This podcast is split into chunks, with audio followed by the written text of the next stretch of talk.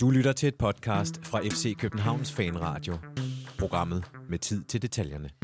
Sæsonen 2022 går på held, eller det vil sige, vi er halvvejs i Superliga-året. FC København er videre i pokalen til foråret. Vi har slået AGF 2-0 i Aarhus. Og så er Jakob Næstrup stadigvæk træner i FC København, men øh, der sker meget andet i Superligaen. Vi laver lidt status på året, der er gået, øh, og kigger en smule frem. Og så ser vi, hvordan vi egentlig lander her i dagens udgave af FC Københavns Fanradio. Velkommen indenfor. Vi skriver den 14.11. Jeg sidder endnu en gang i FC Københavns Fanklub sammen med to gode venner af Fanradioen, nemlig Benjamin Dane. Velkommen til, Benjamin. Mange tak. Over for dig, Henrik Monson. Velkommen til dig, Henrik. Tak skal du have. Det her det er udgave nummer 394 af FC Københavns Fanradio af normale udsendelser. Det vil sige, at vi nærmer os et sindssvagt øh, skarpt hjørne, nemlig udsendelse nummer 400, som ikke er en transfer special, som ikke er en spiller special, som ikke er en træner special, eller noget andet, der ikke er en almindelig optags- eller nedtagsudsendelse. Det er egentlig ret vildt. Øh, og til jer derude, øh, som jo lytter med fast, det er der rigtig mange af jer, der gør. Øh, hvis I har lyst, så kan I støtte os som altid på tier.dk, hvor man laver sit eget abonnement med en pris per udsendelse. Det vil sige, hvis du laver en pris, der hedder 5 kroner, vi laver fire udsendelser på en måned, så er det 20 kroner for en måneds abonnement. Det kan du tænke over hele den lange vinter, og der lige om lidt er VM i Katar. Og så er der ellers bagefter to måneders vinterpause ud over det. Men øh, jeg synes egentlig bare, at vi skal starte med lidt, der er sket siden sidst. Vi var her ikke i fredags. Jeg havde lidt corona efter vi og fik lige en ordentlig omgang febersmadret ind for siden. Så vi var her desværre ikke i fredags, men øh, lad os lige lave en status. Fordi vi havde en kamp i sidste uge, Benjamin, om onsdagen. Nordenfjords i Tisted. Øh, nu bliver jeg helt i tvivl, om det er Nordenfjords. Øh, det er i hvert fald oppe i Nordjylland, godt deroppe af. Øh, langt væk fra København. Jeg ved, der var folk deroppe i bus, øh, som kom rigtig sent hjem, fordi kampen gik i overtid igen. Øh, efter vi spillede på en pløjemark, kan jeg vel godt tillade mig at sige.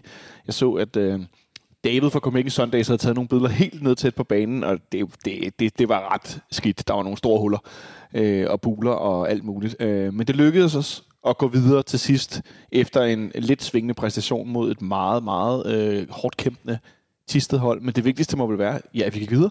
Ja, for nu, nu er den jo nogle dage på afstand, den her kamp, og øh, så øh, kunne vi sikkert tale længe om, om øh, det, der var mindre godt, men, men det, der står tilbage, det er, at vi er gået videre, og øh, øh ja, altså resten, det, det forsvinder øh, lige så stille og roligt i hukommelsen. Det er sådan, de er nogle gange, de der kampe, og desværre har været øh, to gange for meget for os ja. i, i, i den her sæson, og det, det må vi tage med, men, men øh, øh, heldigvis så, øh, så var det jo ikke noget, der, øh, der så ud til at sidde i spillerne i, øh, i går i, i Aarhus. Nej, der var nogle få øh, positive ting, jeg lige vil øh, hæfte mig ved.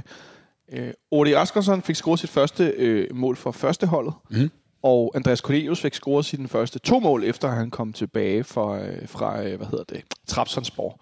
Og så den sidste ting, at øh, Christian Sørensen lavede alle tre assist, efter han har haft nogle kampe med, lad os bare kalde det dårlige indlæg, dårlige hjørnespark, så fik han faktisk lavet tre assist. Og du bemærker en ting, det er derfor, jeg nævner det, Benjamin. Du bemærker en ting, jeg synes var ret fint, nemlig at hans frispark virker som om, at det har han faktisk bedre eller nemmere ved, end hans hjørnespark. Jeg har i hvert fald øh, bare bemærket flere gange, at jeg nogle gange synes, at hans tilløb til hjørnespark næsten kommer til at se en lille smule akavet ud. Altså som om, at, at, sådan at hjørnefladet øh, kommer lidt i vejen for ham, og, og han ikke rigtig sådan kan, kan få den vinkel på. Og der, jeg har i hvert fald bare lagt mærke til, at der er, er markant større kvalitet på hans, øh, på hans sådan, øh, diagonale frispark ind i feltet. Øh, det gav jo også et mål i... Øh, oppe i, øh, i Hobro, som, øh, som Kutsulava har scoret på, på hovedstød, og øh, de, de, dem, dem har han styr på, men øh, Jørgensbakken, de skal altså lige, øh, de skal lige fintunes. Der har været for mange af dem, som, øh, som simpelthen ikke er kommet forbi forreste mand, øh, og nogen, fordi det er ligesom hans, øh, hans spark, når han skal sparke ud af skruet, at han forsøger at lave sådan et meget sådan... Øh, meget sådan lige trukket vristspark, for ikke at få for meget ud af skrue på. Og der er nogle af dem, som er blevet hældt alt for langt over bagfeltet, øh, og, og dermed er blevet for svære at, at blive farlige på. Men, øh, ja, lad os, altså, jeg tænker generelt, man kan sige om Christian Sørensen, at øh, lad os håbe, at vi får lidt mere af hans, øh, ja. hans Viborg-form at se øh, efter, efter nytår. Ja, han forsøgte i nogle af de sidste kampe også at være mere offensiv, komme mere med og blandt andet involvere et mål i han i parken mod Lønby hvor han ikke helt får afsluttet. Og, men der, jeg savner også lidt af det der, vi havde set, som jeg havde glædet mig til. Men lad os se, om det kommer efter nytår. I hvert fald er vi videre i pokalen, og det er vi. Altså, den her pokalturnering, vi har snakket mange gange før, men øh, de her kvartfinaler ligger i foråret. Den første kvartfinaldato, den hedder, øh, som det er lige nu, onsdag den 1. marts. Efter at den første Superliga-år, der ligger den 18. 19. den weekend øh, i februar. Og så hedder den anden kvartfinale, for der er jo to kampe i den her runde, den bliver så spillet den 6. april. Så er der simpelthen over en måned imellem de her to kvartfinaler, hvilket jo er altså skørt, fordi at den første kvartfinale ligger helt i starten, og nummer to ligger midt imellem påskerunderne. Det er faktisk en påskedato. Den ligger lige nu som at være en skær torsdag. Øh, og det kunne, det kunne jo være meget sjovt, øh, hvis man vil en tur ud og se øh, FC København i pokalen på udebane her, når vi øh, skal spille i foråret. Men, men det, altså, er det ikke lidt skørt, Benjamin, at, at de har lagt så stor, øh, så stor kamp, eller hvad hedder det, mellemrum mellem? Jo, men jeg, jeg synes slet ikke, øh, hvis vi ligesom kan trække det en, et skridt længere tilbage, jeg synes slet ikke, problemet er, at, øh, at der er lang tid imellem. Det kan vi godt blive enige om, det er fjollet. Jeg synes, det helt store problem er, at de her kvartfinaler overhovedet skal spilles over to kampe. Jeg synes, det er mm. dybt unødvendigt. Øh, jeg synes, at det øh, smadrer noget af spændingen ved pokalfinalen, for, eller pokalturneringen, fordi i kvartfinalerne kan der godt stadigvæk være nogle af de her lavere rangerende hold med, ja. men eksempelvis Aarhus Fremad har jo ikke en chance mod FC Nordsjælland, når den skal spilles over to opgør. Selv hvis de på hjemmebane i den første kamp øh, kan lave et godt resultat, ja, ja. så skal de op på øh, plastikbanen i Farum øh, en, en måned senere. Og, og det, det, der kan de ikke gå videre. Det kan ikke lade sig gøre. Og, og på samme måde her, øh, altså, der, det er ikke usandsynligt, at vi kan slå Vejle 2 eller 3-0 i den første kamp. Og så kan det godt være, at det er en fed away øh, i, øh, i påsken. I påsken ja, jeg tror, men, at folk kommer til at få det sjovt. Men, men, men, men hvis der ikke rigtig er noget at spille for, hvor attraktiv en kamp er det så? Og det, det, synes, jeg, øh, det, det, det synes jeg er synd, fordi at øh, noget af det, der jo er charmen med den her turnering, hvor irriterende det er for en klub som vores, det er jo, at de store hold kan komme ud i sådan noget som det her, vi har været ude for, at vi ender i forlænget spilletid eller i straffespark, eller man som Brøndby decideret bliver slået ud af et lavere rangerende hold. Øh, og, altså, der skulle bare have været et enkelt lavere rangeret hold, som ikke havde en bane, der havde lys, for eksempel. Altså, og så i marts april måned skal til at spille en eller anden tv-kamp kl. 18.30 mod os, eller sådan noget, ikke? Altså, det vil også være uheldigt, at de er nødsaget til at... Hvad, hvad skal man sige til... Ligesom man har set her, for eksempel, vi har mødt fra Marmar herinde, tror jeg det var, i, ja, ja. i pokalen. De er jo nødt til at flytte den herind, fordi de ikke havde banen til det. Altså, det, det skal også ske med B93, er det ikke? Den blev jo, også flyttet herind. og vi så det forleden, øh, da Brøndby røg ud til års fremad og spillede de kl. 14. Ja, fordi der ikke var lys. Ja. Og det er jo altså noget tid siden allerede nu, og nu bliver det så meget mørkt hurtigt, men, men der blev det altså, senere, men de kunne ikke spille. Og det, det, det, den der pokalturnering, den er sådan lidt stadig en bastardring. Ja, jeg, og jeg synes, at noget af, af for at bruge sådan lidt øh, klichéfyldt ord, men jeg synes lidt af, lidt af magien går af det, når, øh, når man på den måde øh, minimerer de, de små holds chance ved at lade, lade det blive spillet over, øh, altså spillet både ude og hjemme, fordi det, det vil simpelthen være for sjældent, at der er et lavere arrangerende hold, ja. der, der kan få noget ud af det. Henrik, skal du til Vejle og sende en returkamp? Skal torsdag i påsken? Det er sådan noget, der stinker af påskefrokost. Jamen, det gør det nemlig ikke, og den, den skal da ikke udelukkes. Altså, Nej, okay. Kan jeg ikke huske, hvem, om vi skal spille. Det er jo ikke planlagt nu, om det er søndag mandag, vi eventuelt skal spille i påsken. Nej, det ved vi ikke. Ja. Det, men det kunne jeg næsten forestille mig, hvis vi skal ja. spille den her pokalkamp. Nå, vi er i hvert fald gået videre på pokalen, og, øh, og der var nogle spillere, der spillede rigtig meget øh, i 120 minutter, som måske ellers kunne have spillet øh, fra start i går i Aarhus, men det kigger vi nærmere på for en spiller, jeg var overrasket over Benjamin, der fik fuld spilletid, men som faktisk glædede mig at se, fik fuld spilletid i Tisted. Det var for eksempel Rooney Badaji, som jeg tænkte, kan han det? Kan, kan han holde til det? Han har spillet mange sådan nogle 60 minutters kampe eller 30 minutters kampe, men han spillede igennem, og det var ikke alt, der lykkedes, men han prøvede og prøvede og prøvede. Sammen med Jelert for øvrigt i store dele i, fra øh, pausen i den pokalkamp. Han startede så igen i går, det gjorde Havkon i stedet for. Vi snakkede om Christian Sørensen før af gode grunde efter 120 minutter var han også på bænken. Viko var tilbage efter at blive øh, sparet. Fik du hævet ud af Jes Mortensen på, på Twitter, efter vi var sådan lidt... Efter jeg havde brokket mig lidt. Ja, du brokkede dig lidt. Det gør du ellers ikke meget, vil jeg sige. Øh, så jeg synes egentlig, det var meget fint at spørge lidt ind til det her. Hvordan var det egentlig? Øh, er han sparet? Er han ikke skadet? Hvorfor kan vi få det at vide med nogle unge spillere, men ikke med en, der er, lad os kalde det, førstevalg på position? Og så endte Jes med, med, en, med en smiley meget fint at sige, at man for så bliver han sparet, inden du begynder at spørge mere til det. Øh, han var så med fra start, og ellers så lignede det jo, øh, hvad vi har set i store dele af efteråret, når de fleste spillere er klar. Øh, I forhold til startopstillingen, hvad for nogle forventninger havde du så til, til kampen? Øh, jamen altså, jeg, jeg blev meget mærke i det her med, at, øh, at Rooney ikke var, øh, var med i startopstillingen. Øh, en ting er, at, at han havde spillet mange minutter i, øh, i midtugen, men jeg tror også, at øh, du siger selv det her med, at det, at han kan spille længe. Det viser jo, at han er jo i gang med at bygge den fysik og den stamina til, øh, ja. hvad hedder det, som, som hører sig til hos en seniorspiller, og som gør, at han øh, også, tror jeg, i foråret i endnu højere grad vil kunne gøre sig gældende, han har gjort her i slutningen af, af efteråret. Men øh, en, en, øh, en udkamp i Aarhus, som ofte er noget af det mest fysisk præget, vi, vi ligesom kommer til at, øh, at, at møde i, i Superligaen.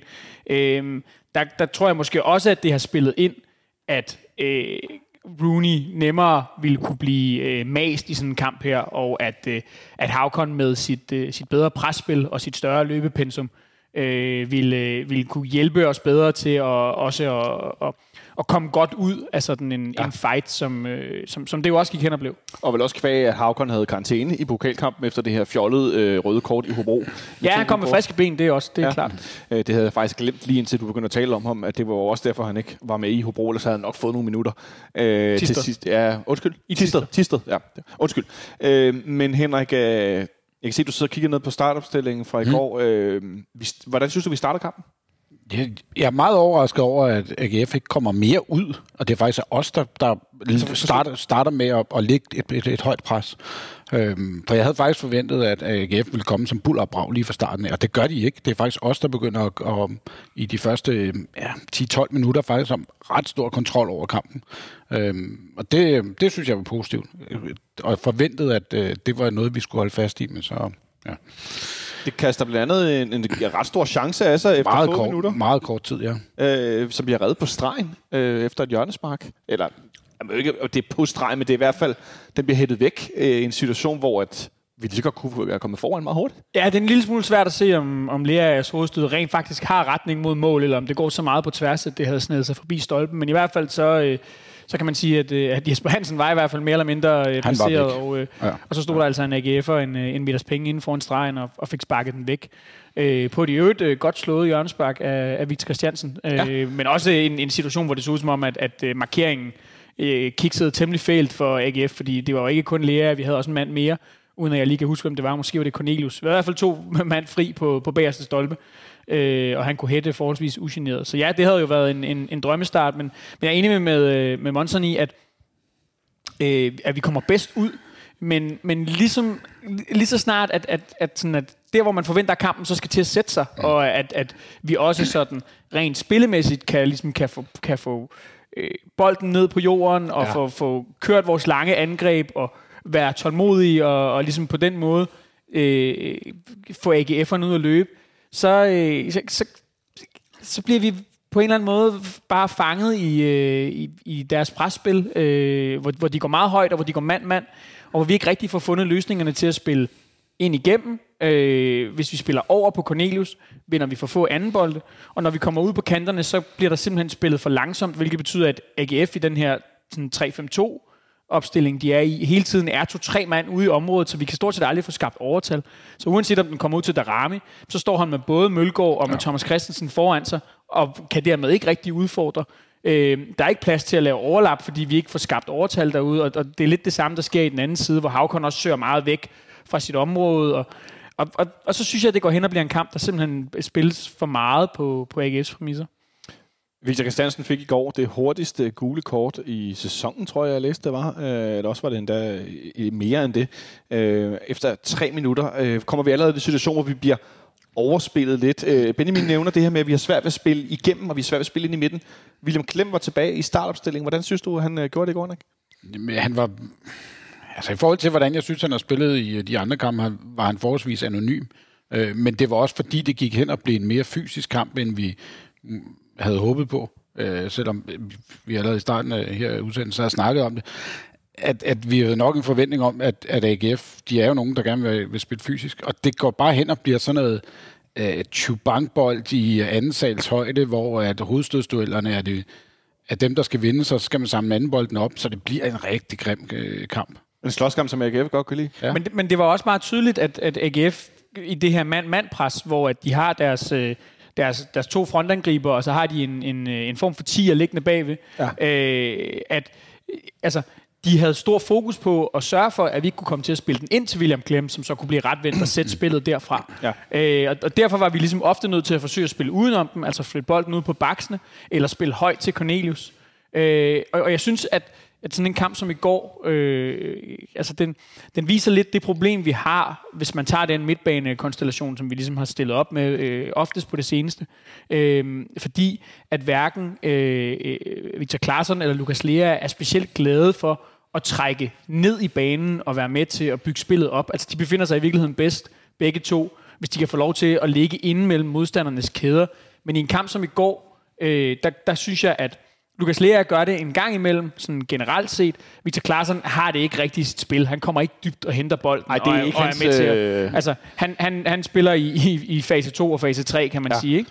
Og, øh, og, og, og det er også fint nok, men der ender for mig at se bare med at være for meget ansvar på William Klems skuldre i en kamp som i går. Og når vi så heller ikke kan finde ham derinde, altså, så, så begynder vi at få et problem med opspillet. Øh, og, og, og jeg synes ikke, det er første gang, vi har set det i det her efterår, at, at når vi, vores to otter ikke er specielt stærke i opspillet, så kan vi godt en gang imellem få problemer med at, øh, at, at blive boldfaste nok simpelthen. Og ja. vi ser også i flere situationer, hvor det er Jæler, der prøver på at drive bolden frem, altså fra den bagerste kæde af. Og det, og det er også fordi, vi ender med at stå nede bagerste række og spille bolden på tværs hele tiden, fordi der er ikke nogen åbninger i, i centralt i banen, vi kan, vi kan spille op i. Så derfor bliver Jæler lige pludselig den, der skal drive bolden frem. Jo.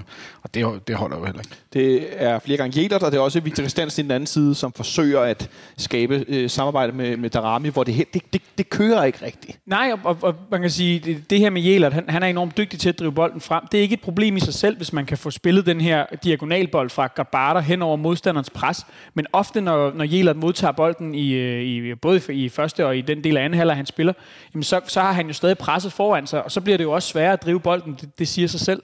Øhm, og jeg synes også, altså noget, der var symptomatisk for kampen, det, det var jo, at vi mere eller mindre fra, fra første minut, øh, vi stiller op til at, øh, at sparke øh, vores målspark kort, men stort set konsekvent hver eneste gang i den her kamp, der ender vi jo med at sende den langt, fordi ja. AGF går så højt op, at vi enten, tror jeg, det handler om, at vi ikke tør simpelthen spille ud, for at blive, fordi vi er for bange for at blive, blive fanget i presset, fordi de stiller så mange mand frem, eller også, så har man valgt at sige, okay, AGF går frem med så mange mand, at de næsten står mand-mand nede bagved, så hvis vi kan slå en bold på Cornelius og vinde den første, og komme på anden bolden, så har vi lige pludselig flyttet spillet hen over rigtig mange af deres ja. spillere, og så kan det blive farligt.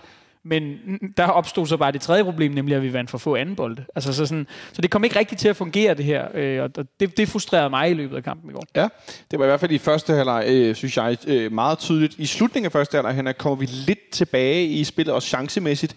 AGF har ikke så meget. Øh, de har nogle afslutninger, men det bliver aldrig rigtig farligt. Grabata har en lidt mærkelig boksning på et tidspunkt efter et, et indlæg, hvor at, øh, at jeg tænker, den skal han gribe. Øh, den får han ja. nærmest den lidt op eller lidt ned, eller det ryger ikke så langt væk eller sådan.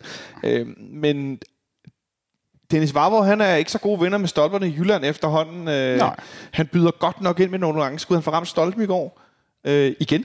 Ja, han har, har, ikke for at springe i det, men han har også en i anden halvleg, hvor han rammer en AGF-spiller i ryggen. Han er, han har nok fået at vide en Næstrup prøv. Altså, vi har set, at han godt kan, så ja, han er godt, øh, en god afslutning, han har. Og i den efterfølgende situation, indlæg, som, hvor vi ser Victor Klaarsson igen komme i det her øh, forrum foran målet, og sådan øh, enten med foden eller med hovedet, lave den her vinklede afslutning, ja. den så jeg ind. Den er meget tæt på. Meget, meget tæt på. Øh, var du oppe på sofaen der? Ja, det var jeg. Og, og i første omgang vil jeg sige, så ser den ikke så slem ud, men når man ser den bag for mål, så kan man tydeligt se, at der er ikke meget mere end, end, end 10-12 cm, så, er den, så går den ind. Og det er vel det, han er god til, du snakker Benjamin om fase 2 og fase 3, som på almindelig fodbolddans betyder, ja, de, altså, de tæller på målet. Jo, men der er jo også en grund til, at, at, at han er så relativt målfarlig, som tilfældet er, og at han er vores topscorer. Det er, han, er, han er god til at komme i feltet, han er, han er god til at, at, at være med i de farlige situationer. Det er jo heller ikke kun som målscorer. Han har ikke lavet hav assist, men han er med i rigtig mange mål. Ja. Øhm, men, og, og, og det er jo heller ikke fordi, at det skal komme til at lyde som om, at, at øh, første halvleg kun var dårlig, for det var den absolut ikke. Øh, vi, vi, var, vi var det farligste hold. AGF blev jo groft sagt kun farlige på dødbolde. Øh, et, par, et par direkte frispark og, og så nogle hjørnespark øh, hvor, hvor man godt kunne fornemme, at de kunne lægge et tryk. Men ellers var det jo os, der havde det, der var chancer i første halvleg. Problemet er bare, at det for sjældent kommer efter sådan langt etableret angrebsspil. Altså det er mere noget med, at så får vi vundet en anden bold, og så lige pludselig, så kan vi spille direkte. Jeg tænker, hvis vi har vundet flere af dem. At genpresset lykkedes, eller, ja, eller, eller hvis vi bare havde været bedre til selv at få sat vores spil, og ligesom komme, altså, jeg er helt sikker på, at ambitionen fra Nistrups side, det var også det, han var ude at sige i, i nogle af de optagsinterviews, der blev lavet med ham, at man ligesom når AGF spiller så mandsorienteret i deres pres, så kan man godt flytte rundt på dem, altså, øh, øh, og, og, og på den måde ligesom Jeg tror, Næstrup brugte det ord, han sagde, at man kunne manipulere med, lidt med dem. Ikke? Ja, for øh, til at løbe til højre, og så hurtigt spille og, til venstre. Og, og finde, nogle, altså finde nogle lommer, øh, hvad hedder det, øh, når, når, når de så ikke følger deres mand.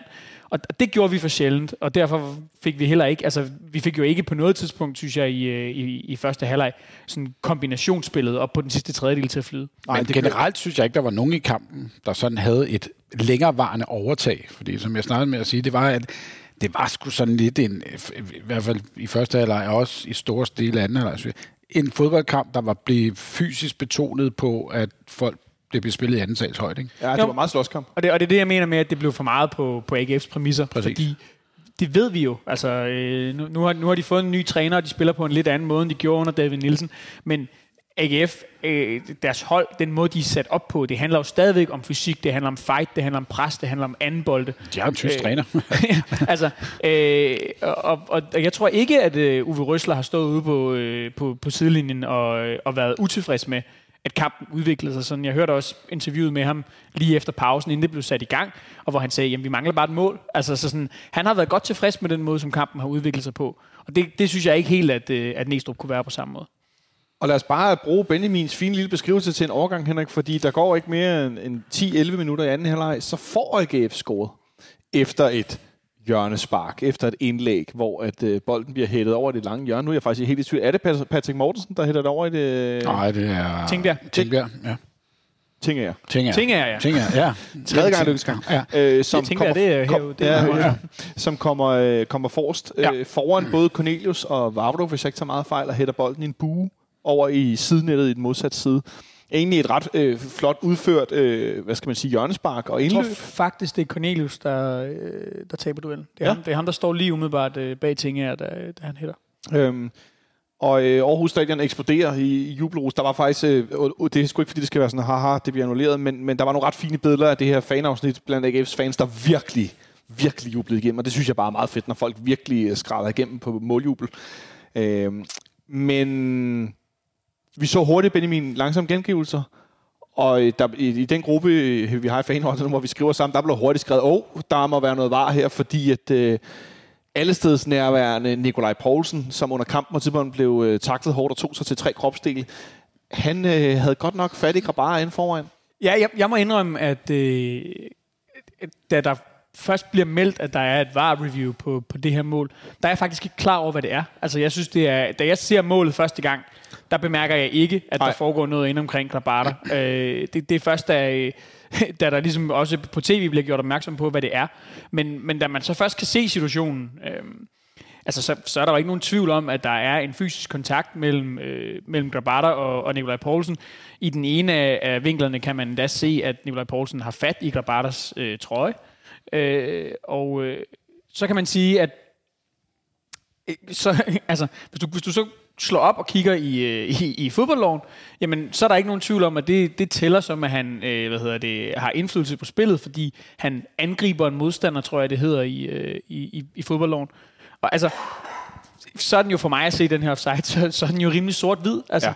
Og så kan det, kan det godt være, at øh, der sidder nogen derude og siger, jamen Grabata havde ikke taget den alligevel. Og det tror jeg sådan set er rigtigt. Mm. Øh, men men øh, den person, de bør være sur på i den situation, det er, det er Nikolaj Poulsen. Fordi det, det er tåbeligt, det han laver. Ja. Øh, I princippet kan han godt stå i sin position, hvis han lader være med at tage duel med Grabata, så er der ikke offside. Det så vi på det her mål, der blev, øh, der blev scoret i Aarhus også.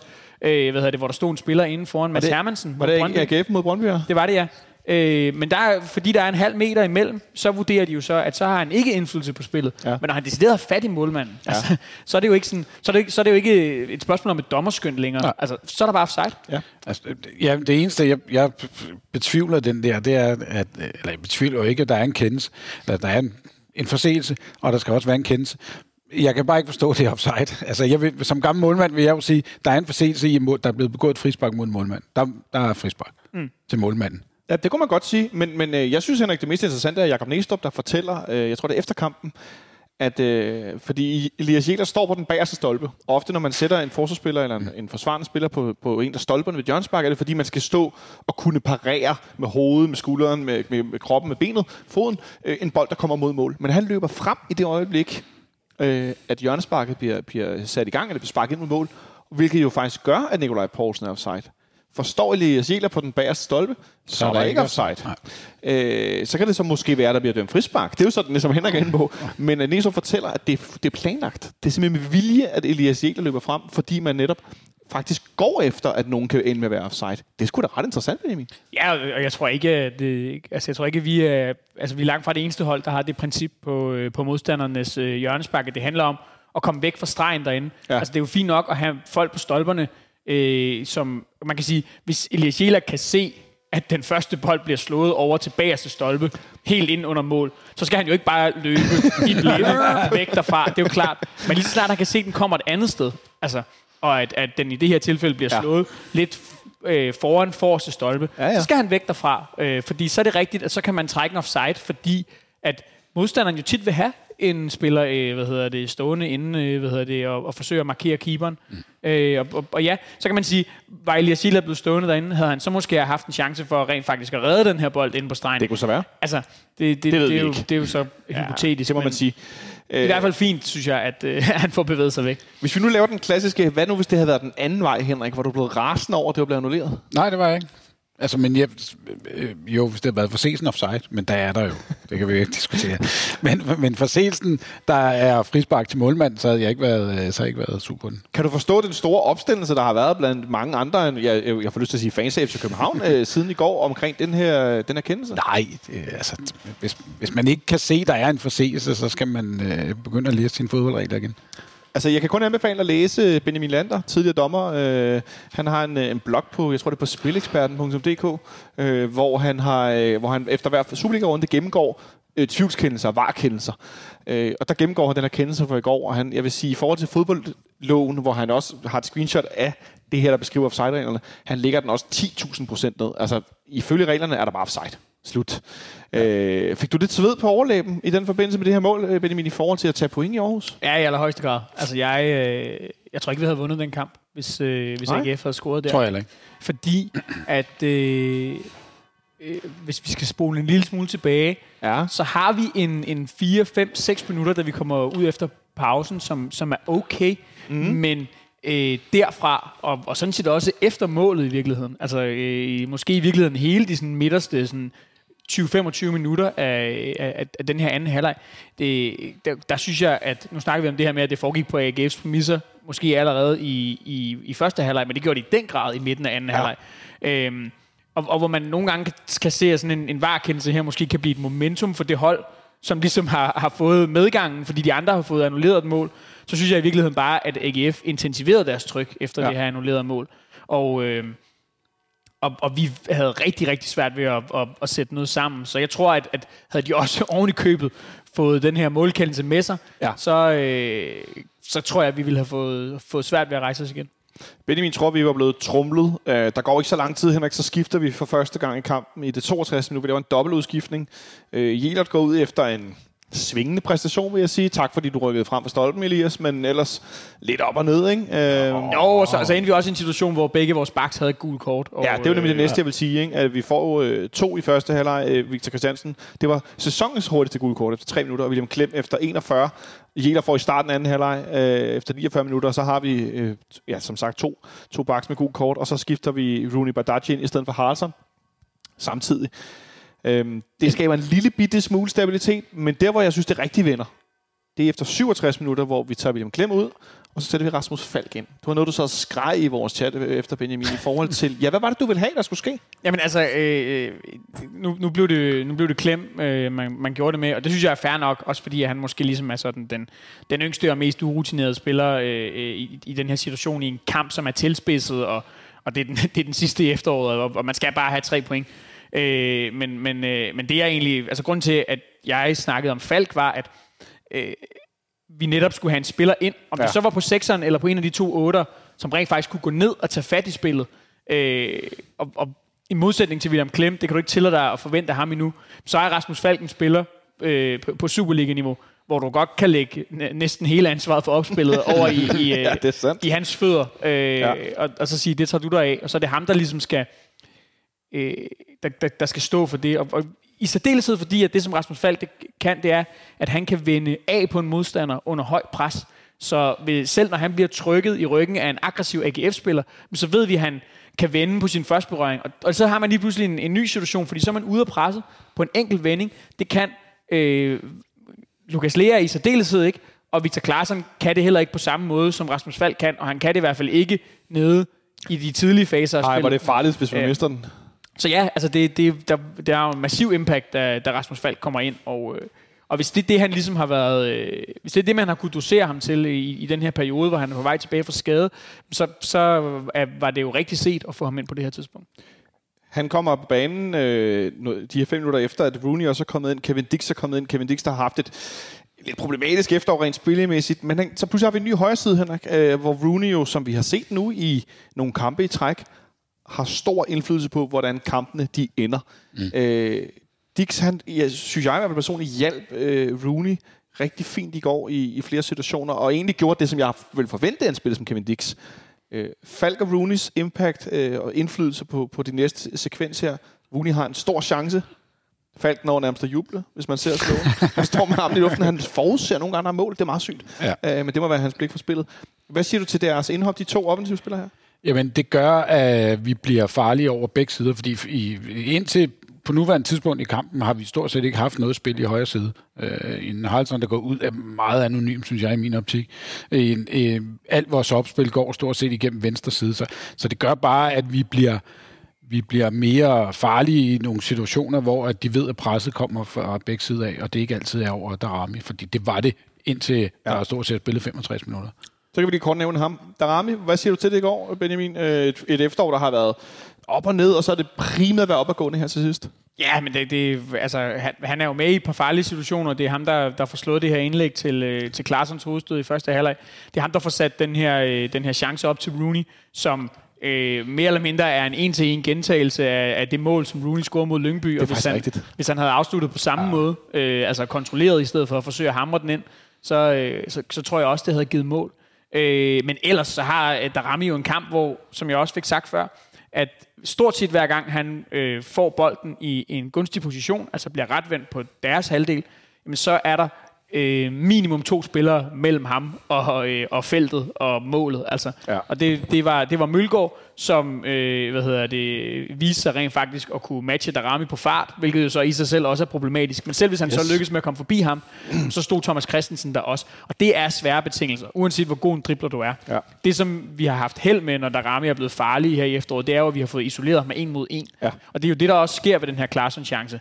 Det er, at øh, i, i, sådan i nedfaldet fra, øh, eller øh, riposten fra, fra Vavros øh, langskud, jamen så får han den alene med Tobias Mølgaard og får lavet en god skudfinte, som får ham til at gå på, øh, gå på rumpen, og så, øh, så får han lagt den ind. Ikke? Ja. Men, men lige så snart der er to mand, så er det meget at forlange, at, øh, at Darami skal lave øh, magi hver eneste gang. Han kan godt sætte to mand en gang imellem, men han kan ikke gøre det hele tiden Ej, det er ikke hele i tiden. løbet af en kamp.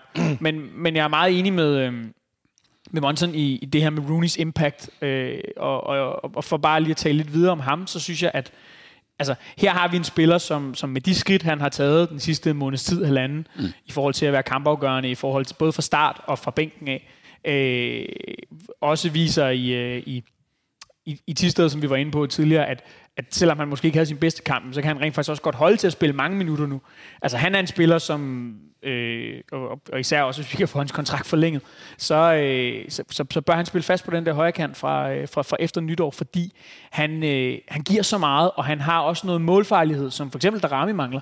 Øh, han, han, han er god til at komme med i feltet, han, han har gode afslutninger, han øh, er god relationelt, og, og kan ligesom hele tiden øh, jo altså skabe farlige situationer omkring sig, når han, når han er i, i, i den form, som, som han er nu. Og det håber jeg, at, at han kan blive ved med at bygge på. Ja, det er der, hvor man lidt har forskellen i forhold til Darami måske. Det er, når der kommer, når bakken kommer med udenom om Badaji, så ved man jo ikke, om spiller han bakken, går han selv ind, for han er utrolig dygtig til at gå ind i banen jo, og få lagt de der afleveringer i dybden også. Som, så han er bare en større trussel. Ikke at, at man skal sammenligne øh, Darami og Badaji på nogen måde, men jeg synes bare, der, der er lidt mere, jeg ved ikke, hvad man skal kalde det, x-faktor i hans, i hans måde at spille på, øh, end der er fra, fra Dramis side af. Og, og nu skal man jo passe på med hypen. Øh, fordi Jeg er fuld hype train øh, Fordi- lokomotivfører, det ved du. fordi, fordi vi har øh, vi har jo siddet her før Ja, øh, for, for, for et år siden og tænkt, at, øh, at nu kommer han i Men det så da også vildt ud for et år øh, siden. Og det så vildt ud for et år siden, men, men så så vi, at han ramte den her bølgedel, som, som jo ikke er unaturlig for den her, øh, den her type spiller, men jeg tror bare, at vi er et sted nu, altså også hvor han øh, sådan rent fysisk er modnet som fodboldspiller, ja. igen i forhold til det her med at kunne spille øh, 80-90 minutter, og at øh, altså jeg vil ikke blive overrasket, hvis, øh, hvis Rooney eksploderer til foråret på den måde, som, øh, som man har set eksempelvis Andreas Schjelderup gøre det for FC Nordsjælland det her efterår. Man skal ikke huske på, at øh, der var kampe i, øh, i nedrykningsspillet i foråret, hvor at, øh, Andreas Schjelderup slet ikke var med i truppen for FC Nordsjælland. Det tror jeg ikke, der er så mange der, derude, der, sådan, der, der i virkeligheden kan huske Ej, det føles som, det er meget længe siden. efter det efterår, han har haft. Men så hurtigt kan det altså gå med de her spillere på 17-18 år. Ja. Og, øh, og der tror jeg måske, hvis Rooney får en god, øh, en god opstart, øh, kan holde sig skadesfri, alle de her ting, som ja. også spiller ind, øh, og at der ikke bliver hentet en spiller, som, som blokerer for hans muligheder for spilletid i, øh, i, i, i foråret, så tror jeg, at øh, altså, så tror jeg, at vi står på tærskling til, at, at han sådan rigtig får sit gennembrud. Jamen også et spørgsmål om, at jeg tror, at Nes er den rigtige mand for ham. Han kan mentalt få Rooney det rigtige sted hen. Øh, fordi det tror jeg, det er måske også nogle af de ting, han, han, har, han har kæmpet med. Altså mentale øh, udfordringer i forhold til, hvor man er kommet fra, og hvor man så er havnet, og hvor man gerne vil hen. Ikke? Øh, for det, det, er et, det er et step op at, at, at komme til en klub som FC København. Øh, så, så skal man måske også nogle gange lige finde ud af, hvor ens fødder er, og, og hvor de skal lande. Og, Jo, plus han jo havde det her, øh, det her forår, hvor at han, øh, han, han, han kommer ligesom på sådan en bølge af hype fra de her sidste kampe i, øh, i efteråret 21. Så får han en masse tillid og spilletid i, øh, i de første 10-12 kampe. Øh, leverer ikke sådan for alvor på, på, på den. Øh, og så går han derfra simpelthen fra nærmest den ene dag til den anden til stort set ikke at kunne komme med i truppen. Mm. Øh, og, og, og det er jo ikke mærkeligt, hvis en spiller i hans alder også får et selvtillidsknæk, simpelthen altså på grund af det, og har skulle bygges op igen. Og det er jo nok også derfor, at det først er her i anden halvdel af af efteråret, at vi rigtig kunne se ham gøre sig gældende igen. Altså, øh, PC stod faktisk i, øh, i optakten til, til kampen i går og sagde det her med, at øh, Rooney har været nede i et hul, Ja. altså som han er kommet op af igen. Ja. Hvad det så end har skyldes, han har også været lidt skadet i starten af efteråret og, og, og sådan nogle ting. Øh, så må vi bare konstatere, at, at han formentlig nok også er kommet tilbage, som du er inde på, mentalt stærkere, mm. øh, og, og det kommer nok til at gavne ham som, øh, altså i, øh, i foråret. En ting er at være nede i et hul, når man er seniorspiller, når man er voksen, man er 20'erne, 30'erne, men når man er 16 år gammel. Øh, Jeg skal huske at indskyde Rooney i morgen. Ja. Fylder 17, for det ikke skal være løgn. 15. november. Hans kontrakt udløber den 31. øh, december næste år. Altså det vil sige om et år plus en halvanden måneds tid.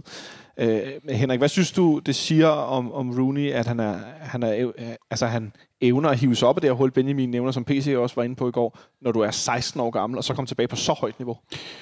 Det beviser jo, at han er en, en, en moden spiller af trods sin alder. Uh, han er måske mere bevidst om, hvad han gerne vil, end en anden 16-årig spiller, du finder rundt omkring. Det tror du har. Øh, nu var jeg ude og se træningen i fredags, og øh, der, efter han havde været med i, øh, i træningen, godt nok sammen med dem, der mest restitu- restituerede efter, øh, øh, efter kampe, så øh, gik han selv i, øh, som den eneste ind i, øh, i øh, hvad hedder det, fys, hvad hedder det, i gym. Ja. ja. Og, øh, og fortsat derinde øh, som den eneste. Altså, så jeg tror, han er, han er godt bevidst om, hvad der skal til for at tage næste step. Og det, det han... Øh, det, det, skal han, det skal han bare fortsætte ud af, fordi at, så, er, så er det, vi kommer til at se den der Rooney, der kommer til at eksplodere. Sidste ting, inden vi skal lige... Nu tog vi lige et sidespor med Rooney. Det er sjovt, når jeg kigger på Twitter, så er han 1,82 høj. Og på de fleste statssider, der er han 1,72 høj.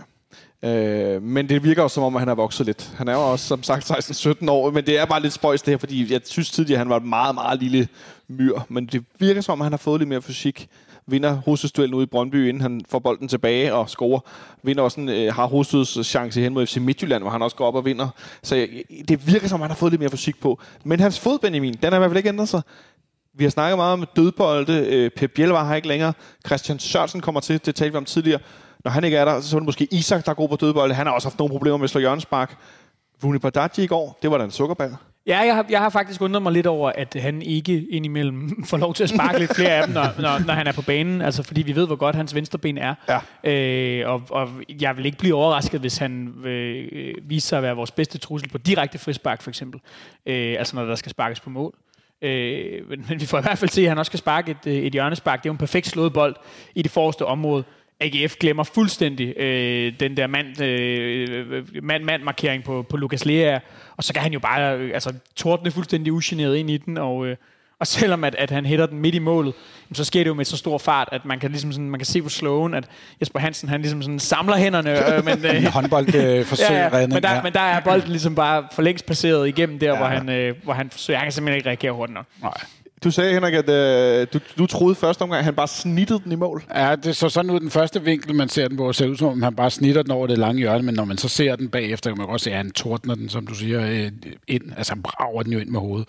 Øh, det, det ser den godt. Endnu et mål af Lukas Lea, ja. som har haft, øh, lad os bare sige, nogle kvaler. Vi kan snakke øh, manglende ledere på banen, FC Nordsjælland, interview og alt det her, og tydeligvis øh, noget, Lukas Lea havde øh, kørende, eller hvad man skal kalde det med Jes Torup. Han bliver interviewet også af Discovery ude på anlægget af Simon Egeskov. De sidder på en stol udenfor og får sagt nærmest mere eller mindre, han kunne ikke så godt med Jes Torup. Der var nogle ting, der ikke virkede. Han manglede at få at vide, hvad han skulle gøre, og det skulle være mere klart, og nogle af de her ting, som der bliver talt meget om. Øh, jeg har i lang tid siden haft lidt Benjamin hvad fanden er det, Lukas Lea kan? Hvorfor er det, vi har den her mand, som har kostet en masse penge? Han har været landsholdsspiller, Geno Genoa? Altså, hvad er det, ham er? Altså, Sulte Vakkem og øh, Bordeaux, og jeg ved ikke hvad. Hvad er det egentlig, han kan? Hvorfor er det, han har så højt prissat mange steder, han har været? Men jeg vil sige, de sidste ja, 6-8 kampe, der er jeg begyndt at forstå, hvad det er, Lukas Lea kan. Øh, er han måske i virkeligheden den, der har haft allerbedst af, at vi har skiftet træner? Ja, der er i hvert fald en af dem. Øh, jeg synes, man kan pege på mange spillere, som har, som har taget positivt skridt øh, under Jakob Næstrup. Men øh, øh, altså, jeg, jeg har det jo lidt sådan, jeg har, jeg har det faktisk en lille smule ambivalent på Lukas Lea som spiller. Ja, ja, fair fordi, nok, fair nok. fordi jeg mener, at han som spillertype ikke nødvendigvis er specielt godt castet til et hold, som i, i hvert fald i en ideel verden gerne vil være så meget på bolden og være så dominerende, som vi er. Simpelthen fordi, og det er også noget af det, vi talte om tidligere i forhold til det her med opspillet. Ja. Han er simpelthen han er, han er en relativt begrænset fodboldspiller, hvis vi kigger på det rent tekniske. Han, øh, hans første berøring sidder ikke altid helt i skabet. Øh, han kan ikke vende med bolden med en mand i ryggen. Og øh, selvom at, at jeg synes faktisk, at hans pasningsspil i den her periode er, er blevet bedre, så har han i hvert fald også tidligere, især på sit lidt længere pasningsspil, ja. det viser statistikken også fra sidste sæson, simpelthen for sjældent ramt sin mand. Øh, men øh, når, man så, når vi så taler som mål som det her, og det mål, han scorede i den om, omvendte kamp mod, øh, mod AGF. Som for øvrigt var inden for to minutters interval af det samme tid i kampen. Og det mål, han scorede øh, op i Randers, jamen, så, så kan du jo godt se, hvad det er, han, han bidrager med. Og det har han jo også gjort tidligere. Altså, han har et enormt løbepensum. Han er stærk i presspillet, og han er målfarlig ikke mindst. Og det er klart, de, de ting, øh, når, det, når det kører for ham, som det gør i den her periode, og måske også når man finder den rigtige rolle til ham, men så har han jo en værdi. Det er jo helt tydeligt. Øh, også som en spiller, der går forrest på banen, og ligesom øh, måske ikke virker som den, så den mest verbale leder, men så måske leder med sit eksempel øh, og, og sin indstilling til tingene. Og der er jeg ikke i tvivl om, at han har været rigtig, rigtig vigtig i den forgangne periode, og fortjener rigtig, rigtig meget ros. Det har han også fået af Næstrup ja, ja, i pressen klar. og sådan nogle ting. Jeg kan godt stadigvæk være en lille smule i tvivl på den lange bane, i forhold til, hvis vi skal blive bedre til at dominere kampene, med øh, en, en tremandsmidtbane, den her 4-3-3, at så er der i hvert fald brug for at have to meget boldstærke centrale midtbanespillere. Og hvis en af dem er Victor Klaarsson, så kan jeg godt altså være bekymret for, om der er øh, om, om der så også er plads til Lukas Lea, netop fordi at, at for mig at se, at så meget af øh, ansvaret for opspillet, så kommer til at ligge på sekseren, eller nu hvor Bøjlesen er langtidsskadet, så har man heller ikke rigtig en oplagt centerback, der kan øh, ligesom stå for at sætte spillet. Øh, det, det er en udfordring, som jeg tror, at... Øh, måske kan Næstrup løse den på træningsbanen. Altså det kan godt være, øh, nu kan man sige, for at drage en, en, en parallel, uden at de overhovedet er ens fodboldspillere, men øh, som, som faste lytter af programmet her måske ved, så, så holder jeg jo med Arsenal, når jeg ikke øh, sagde FC København. Og der har man i lang tid haft en, en problematik med en spiller som Granit Xhaka, Øh, som er en under, spiller, der får sådan nogle røde kort og tordner igennem, ikke? Jo, men som heller ikke øh, i, i Premier League er særlig dygtig til at, at vende med bolden. Men ham har man jo fundet en rolle til, øh, hvad hedder det, hvor han kan få lov til at ligge længere op i banen som den ene af de her to otter, og ikke være med i opspillet i nogen særlig grad, fordi man så på den anden side har Martin Ødegaard, som kan trække ned ja. og være med til at sætte spillet sammen med Thomas Partey, som spiller sekseren. Og man kan sige, Ja, men det, altså, det giver meget god mening. hvis Rasmus Falk så er den anden otter, og man også har en boldstærk øh, defensiv midtbanespiller, så kan det måske være, at det kan fungere, fordi så kan han få lov til at ligge i det her sådan between the lines, øh, hvad hedder det, Lukas Lea, og koncentrere sig om at være presspiller og bruge sit løbepensum og komme i feltet. Men om, om man kan have to af den der type 8, uden at sammenligne Victor Klaarsson og Lukas Lea Ja, ja, ja. ja. det kan jeg godt være i tvivl om. Ja. Velkommen til Benjamins taktikskole, Magnus. Så vil jeg godt lige stille et spørgsmål langt, jeg til, øh, hvad skal du lave nytårsaften? øhm, Det ved jeg ikke endnu.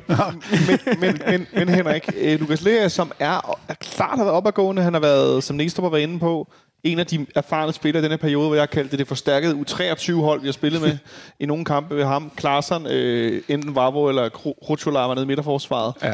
Øhm, nu får han scoret i går. Forløsning i den her jubel. også. Hvordan øh, oplever du det som fan? Jamen, jeg synes, det er jo fedt nok, og jeg synes, det er en, øh, en, øh, en mere positiv... Øh, øh, hvad hedder det, lærer, vi har set efter, øh, at Jes Torup ikke er mere. Altså, der er tydeligt, at han har været tynget af, at, at der har været en træner, som man ikke kunne kommunikere med. Han har været, haft en træner, som der ikke kunne udstikke en retning for, øh, hvordan han skulle spille fodbold. Det har han fået nu. Han har fået at vide, hvad hans rolle er på holdet. Og det gør også bare, at han har fået sin spilglæde tilbage. Og når du har en glad spiller, så spiller han også bedre, og så påvirker han også de andre. Og det er tydeligvis, han har også noget at sige, den her trup, som gør, at, at øh, han har en stor indvirkning, både for de unge, men jeg tror også for de andre etablerede, der er i, i, øh, i truppen. Fordi han i hverdagen er en, en spiller, som der, der har meget erfaring at dele ud af. Han har rigtig meget erfaring at dele ud af i modsætning, også når nogen, sådan som Bøjlesen er ude, og, nogen, og Sikker nu er ude. Øh, der hænger det meget. Der er ikke så mange af dem, der har været ude at spille i, på store adresser, der spiller i store ligaer. Vi har Rutscholav også, der har spillet Shakhtar Donetsk i mange år, øh, stor klub, men der er ikke så mange af dem lige nu. Øh, Cornelius, der er kommet selvfølgelig også. Klaarsson, Klaarsson, ikke? Men, Ja. men, men det er ikke sådan, at vi svømmer i den. Vi har Nej, set nej. nogle år, hvor vi jo har landsholdsspillere i, i bunder. Det har vi ikke lige nu på samme måde. Og U19-landsholdet, U17-landsholdet, U21.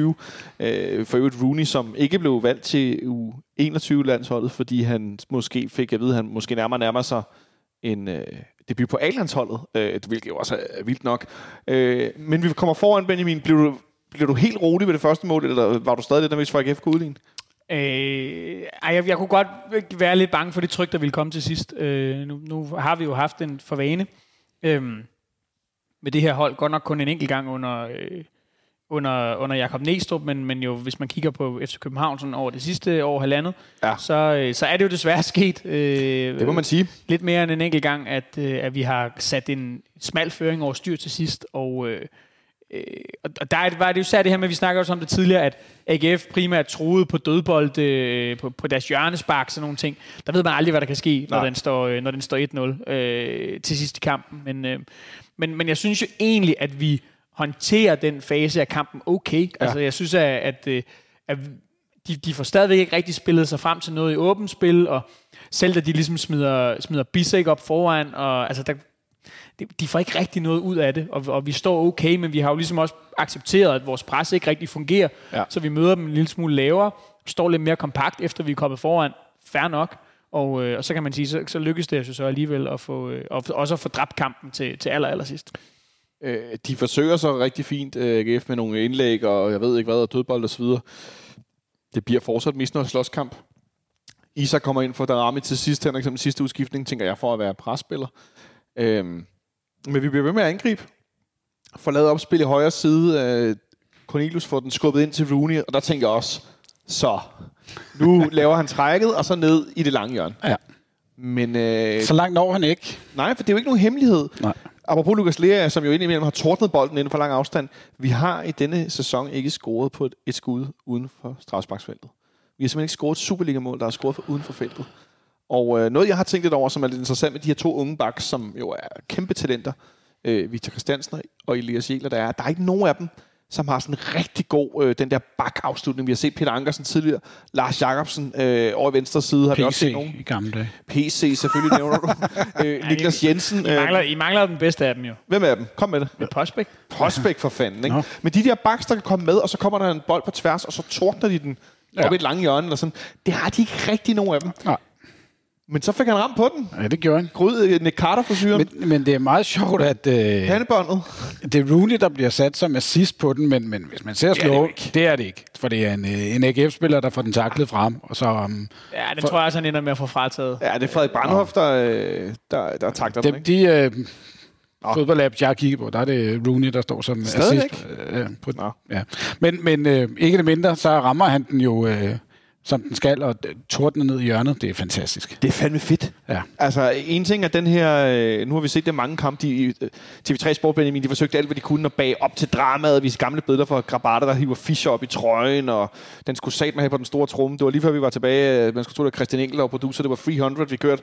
Men, men de skulle virkelig bage det op, og der var også gang i det undervejs. Og ser et slow hvor at man, uden lyd, at Lukas Lea får råbt til Nikolaj Poulsen, hold nu din kæft, på et eller andet tidspunkt, efter at der har været noget bataljen på midten af banen. Øh, Tror du også, det giver ekstra til forløsningen? Øh, en ting er, at Victor Christiansen får scoret sit første mål for klubben i det hele taget. Men også det her med, at der er så meget øh, gang i alle de her dueller øh, i kampen. Jo, man kan se i flere situationer i løbet af kampen, at der bliver snakket enormt meget mellem spillerne. Jeg lader også mærke til mere end en gang, at, øh, at, at Patrick Mortensen i, sådan, øh, i, i situationer, hvor vores øh, midterforsvar fik, øh, fik tilkendt et frispark, øh, at selvom han ikke engang selv havde været involveret i duellen, Ja. så, så var han henne Ja. og øh, øh, ligesom råbe et eller andet ned i hovedet på Kutsulava eller på Vafro. Altså, det, der, og, og det foregår jo helt sikkert også den anden vej. Det gør det. Det tror jeg også. Så, så selvfølgelig er, er der nok noget ekstra forløsning i de her kampe, når man så får, får, får lavet det her scenemål. Ja. Øhm, men for ligesom at vende tilbage til selve målet, vil jeg bare gerne rose Victor Christiansen for endelig, langt om længe, at have fået taget øh, rygsækken af. Så, Så han ikke læner sig bagud. ja, og, og ligesom i, øh, han, han var også selv inde på det i sit post-match interview med FCK TV, så jeg. Øh, så han ikke ligesom øh, med, med den her kæmpe chance, han havde i parken mod Sevilla, så Åh, han bare vildt, tordner den, øh, tordner den langt over i stedet for. Det, øh, det, det klædte ham. Det giver point i amerikansk fodbold, men det spiller han altså ikke. Jeg tror ikke, øh, jeg tror ikke vi kommer til at se ham lave, øh, lave mange af dem. Øh, Nå, han, det var ikke det, han fik hul på bylden. Nej, det tror jeg ikke. Men, øh, men en gang imellem, det er også øh, det er okay for en bak. Fordi det løser Henrik. Det helt, altså, at- at modstanderen har også lidt nemmere at kunne stille sig tilbage, fordi vi ja. ikke... Og hvis vi afslutter udefra, så tordner den op i, i luften, og vi gør det ikke så meget, som vi måske godt kunne tænke os bare en gang imellem nogle af os. Fordi, mange gange, at vi ikke, jeg ikke har stået op på række 25 på nede og se, og gerne vil have en afslutning udefra, fordi vi spiller til tider, og spiller, og spiller, og spiller, altså det er Ja. lige før, det er for minder tilbage fra øh, indendørs turneringer ude i, øh, i motorvejssammenflætningen, ikke? og Rose Villerts valg. Ja. Martin øh, Øh, som bare øh, tit løber ud i sandet, ikke? og ikke bliver til noget. Men man kunne godt trænge til, at der nogle gange, der er nogen, der gider at, at trykke til den. Som Vavro også gør. Altså, Det er jo lige for det er ham. Lukas Lea er jo næsten stoppet med det, så det var Vavro, der ender med at gøre det. Øh, men nu, nu får han så kun ramt stolperne. Men det efterlader os med 2-0 i Aarhus i overtiden, og et udebaneafsnit, der for øvrigt var helt, helt, helt udsolgt. Øh, som havde en rimelig stor fest, øh, synes jeg godt, man kunne fornemme, både på, på, på video og så videre. Øh, og så øh, er vi i den dejlige situation, Benjamin, at vi bliver ved med at vinde fodboldkamp. Øh, det efterlader os på tredjepladsen, det vender vi tilbage til. Nu har vi vundet tre træk. Øh, jeg fik skrevet en ros til FCK TV's med øh, en fotograf, Mathias, tidligere i dag, fordi øh, han øh, var inde på banen med, tror jeg, han har sådan en kamera på skulderen. Det er ikke sådan kæmpe stor, men med sådan to håndtag, der ligesom går ned foran. Og så øh, skrev jeg til ham, at det, det er fandme vigtig, vigtig video, du laver, fordi at han så ud af øjenkrogen, som han skrev. Det år, der begyndte Jacob Lestrup at løbe ned med udbaneafsnittet, og så sp- sponsede han efter Næs. Fordi han skulle selvfølgelig have video af, at Næstrup, han jo, ja, det kan vi lige så godt sige, Øh, en ting er sådan fodboldsmæssigt, at det, nogle gange kan man egentlig godt fornemme, hvor han er inspireret af hende, men jeg øh, kunne da næsten ikke lade med at tænke, det minder lidt om Ståle Sobank, det der. Ja, det var en, øh, det var en Ståle Solbakken prestige, tror jeg roligt, man kan, kan tillade sig at sige. Øh, det, det lignede... Øh, det lignede rigtig meget noget af det, vi har set øh, Ståle gøre. Øh, jo faktisk ofte på udebane, de gange han har gjort Ja, det. Øh, simpelthen gå ned og, øh, og lige sende en hilsen til, øh, til afsnittet dernede. Og øh, ja, altså, jeg, jeg, tror, jeg kan jo godt forstå, hvis der nogle gange kan sidde nogle fans derude af, af andre klubber og, øh, og tænke, øh, altså, kan de dog ikke snart stoppe med at, at ævle om, om ham Næstrup hver eneste gang, han har sagt noget i et interview. Men jeg tror bare, man, man, man må simpelthen bare, også med den træner, vi har sendt ud af døren for ikke så længe siden, undervurdere det her med, den sådan... Øh, det, det er tit blevet så fortærsket, det her positive arrogance. Jeg vil virkelig hellere sige, den selvtillid, det viser, altså som træner, også at ture på det rigtige tidspunkt, for han skal jo ikke stå dernede efter hver eneste kamp, men på det rigtige tidspunkt, efter en vigtig kamp, efter en svær periode, som man har fået vendt på hovedet, og man ved, at man kan gå på, på vinterferie med en, en god fornemmelse, at så ligesom gå ud og vise det her signal og sige, prøv at høre her, også til fansene, vi tror på det, og det kan godt være, at der stadig er 8 point op, og at, øh, at det bliver ja. et svært forår, øh, i forhold til at ende med at stå med, med DM-guldet, men vi tror på det, og, og, og det er det signal, vi sender udad til. Ikke? Og, øh, og nu vi optog de jo også hans, hans tale i omklædningsrummet øh, på FCK TV bagefter, og det er, jo, det er jo det, han siger til spillerne også, at han siger, husk nu, det kan faktisk godt lade sig gøre det her, og det, det er jo også det, han er ude og, og, og signalere der. Jeg skulle lige så sige for min kammerat øh, Kasper, som var på udvinderafsnittet helt nede foran, at uh, sådan nogle løbebaner er jo glatte, og Nes han var to sekunder fra, at det blev et YouTube all-time-klip, eller to millimeter. Han var lige ved at stå på røven i sin, uh, sin hvide kondisko. Det havde været mindre elegant. Uh, men det der med Henrik, jeg kom sådan til at tænke på, at Ståle Sobakken kommer tilbage. Og Jakobs bliver fyret. Uh, Ståle kommer tilbage efter 5-6 runder i sæsonen, hvor, vi, hvor det slet ikke kører. Og så vinder vi en kamp over i Viborg hvor blandt andet Fernando Ardi scorer et mål, hvor den tordner den op under overlæggeren, og jeg ved ikke hvad. Øhm, og så går Ståle ned til udbaneafsnittet bagefter, holder faktisk en, en tale på et minut eller to og siger, prøv at høre, jeg skal have jer med, det er sammen med jer det her, nu hiver vi det her tilbage, nu kommer vi igen, men det er os sammen. Jeg ved godt, det ikke var lige, det var Næstrup gjorde i går i sin sprint og øh, pegefinger, hvor han ligesom sådan, hey boys and girls, nu kører det, ikke? Men, men, men øh, hvad siger du til, den her, øh, det bliver så meget bagudrettet, men også fremadrettet, fordi vi spiller fodbold på en anden måde. Det er et yngre hold, det er nogle andre ting, der er sat op, men at man bringer det her ind, den her samhørighed. Jamen det, det har han jo gjort fra dag et, fra han sad på et pressemøde heroppe øh, og startede med at, at kalde øh, øh, sig selv og København, altså kalde os for vi. Det var det, han ville. Det er vi, der skal vinde det her. Det er os, der skal gøre det her sammen. Det har han jo gjort fra dag et. Jeg elsker, at vi har fået en kommunikativ øh, træner, som rent faktisk går ud og siger det, han tænker og føler, øh, når han taler med pressen. Han går ud og siger til... Øh, ja, de andre i studiet, jeg vil kalde dem kompetente, som står og stiller ham kri- kriti- kritiske spørgsmål i anførselstegn, og siger, at nu gider jeg ikke høre mere om den her snak øh, over i, i Tisted, hvor han nu tre gange bliver stillet spørgsmål om, hvem der er første målmand i FC København. Han til sidst bare lukker ned og siger, jeg gider ikke høre mere. Prøv at bare at den, der står nu, fordi han er den bedste, og jeg gider ikke snakke om den mere. Han var lige før, at han havde lavet en ståle der, bare lave mikrofonen, mikrofonen og kigge. Gud, det er rigtigt. Det, det har vi ikke nogen, der gør længere. Nej, men, men bare den del af det er jo med til at give os fans et kæmpe boost, når vi har en træner, som tør at gå ud og, og sige sin mening om øh, ja, dem, der skal være de såkaldte eksperter i, i studiet og sådan noget. Han ved jo udmærket godt, hvad hans plan er. Han er god til at kommunikere den, og de kan stille alle de spørgsmål, de vil, for han har altid et, øh, et godt svar på øh, alle deres spørgsmål. Et rart svar, det vil jeg næsten sige, for ja. det er aldrig sådan, at jeg tænker, åh oh, nej, Nej, mens jeg stod og træner, der, øhm, der har vi jo mere end, mere end en lejlighed øh, herinde siddet og diskuteret øh, og talt om, at øh, vi håbede, at øh, Jes Torup var øh, bedre og mere øh, klar i sin kommunikation internt, end han var eksternt.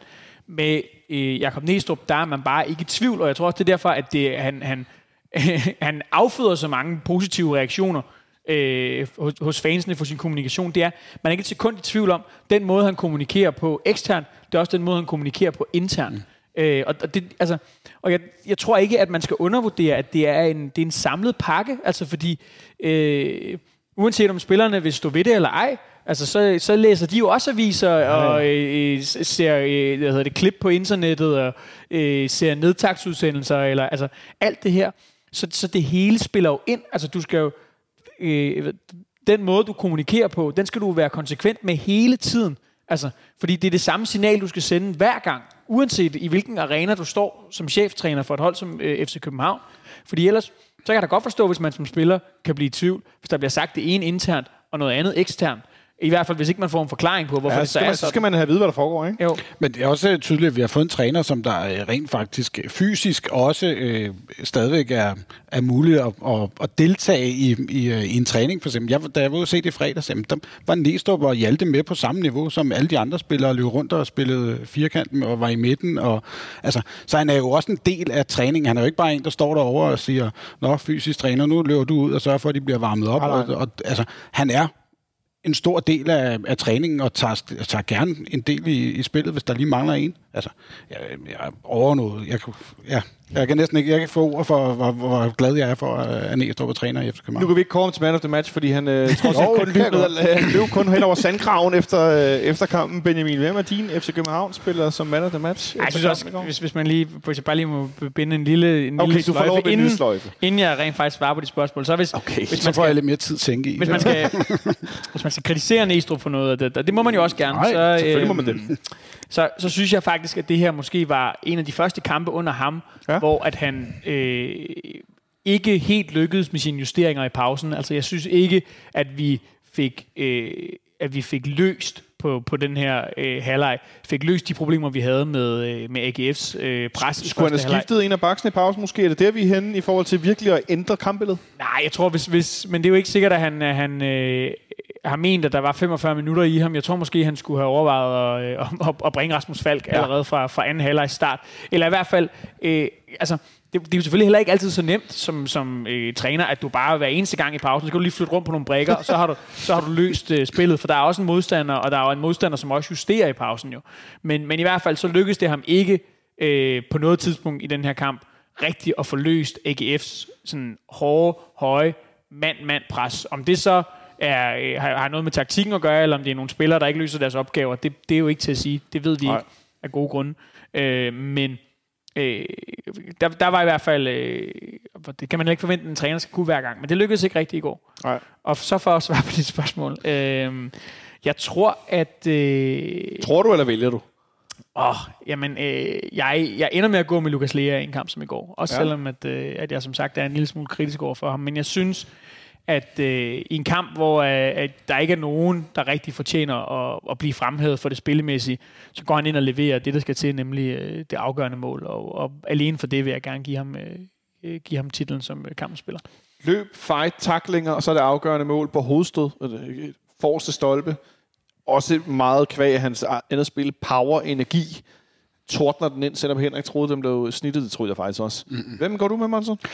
Jamen, jeg ville også være gået... øh, Jeg, jeg havde to. Det var Lea og så Darami. Og Darami synes jeg skal have ros for at være øh, den, øh, den kreative... Øh, det kreative, positive indtryk, der var i den kamp i går. Ja. Øhm, så jeg går, jeg går med Darami.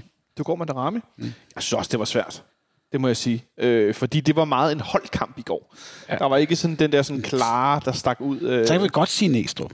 Øh, ja, så kan man godt sige næste år. Ja, okay, så Ej, bliver jeg det synes- virkelig fedt spillet. Men, men, jeg, men jeg synes, at, at, øh, at Monson har en pointe omkring det, Ja. det spillemæssige i forhold til Darami. Også fordi, at de to største chancer, vi skaber i kampen, øh, dem, mm. dem står han bag begge to. Ja. Og, øh, og hvis der er lidt mere skarphed fra, fra først Klaassen og, og fra Rooney i anden halvleg, så, øh, så får jeg øh, Darami to, øh, to assist til, øh, Ja. til sin total. Jeg tror også, jeg går med Darami. I, I har forklaret jer godt, så lad os bare lukke øh, årets sidste kamp ned. Allerede 13. november. Det er så for tidligt. Øh, men sådan er det den her omgang, og så lad os lige lave lidt status. PC her. Du lytter til FC Københavns Fanradio.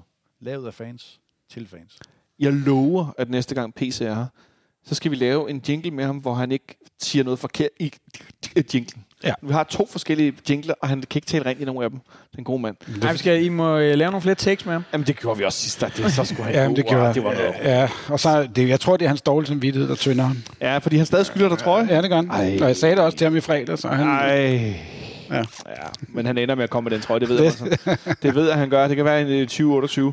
Øhm, nu var vi lidt inde på det med, med Jakob Næstrup, og hvad, han har bragt som træner. Øh, men det var mest sådan kommunikativt, og øh, med hvordan han udtrykker sig osv. Men øh, der er jo også noget, hvad skal vi sige, øh, sådan rent spillemæssigt. Og den gode Alexander Elverlund, som jo er en del af faneren her, han lavede en fin tråd på Twitter tidligere i dag, hvor han øh, lavede lidt status over Næstrups øh, første tid i København. Øh, han gennemgår blandt andet kampene. Øh, I Superligaen, der lyder det, at vi er ubesejret de sidste syv kampe, Benjamin. Vi har simpelthen vundet fire og tabt tre. Tre af dem har vi vundet i træk her. Så er vi ikke Tre ubesejret. Uafgjort, undskyld, okay. det røv.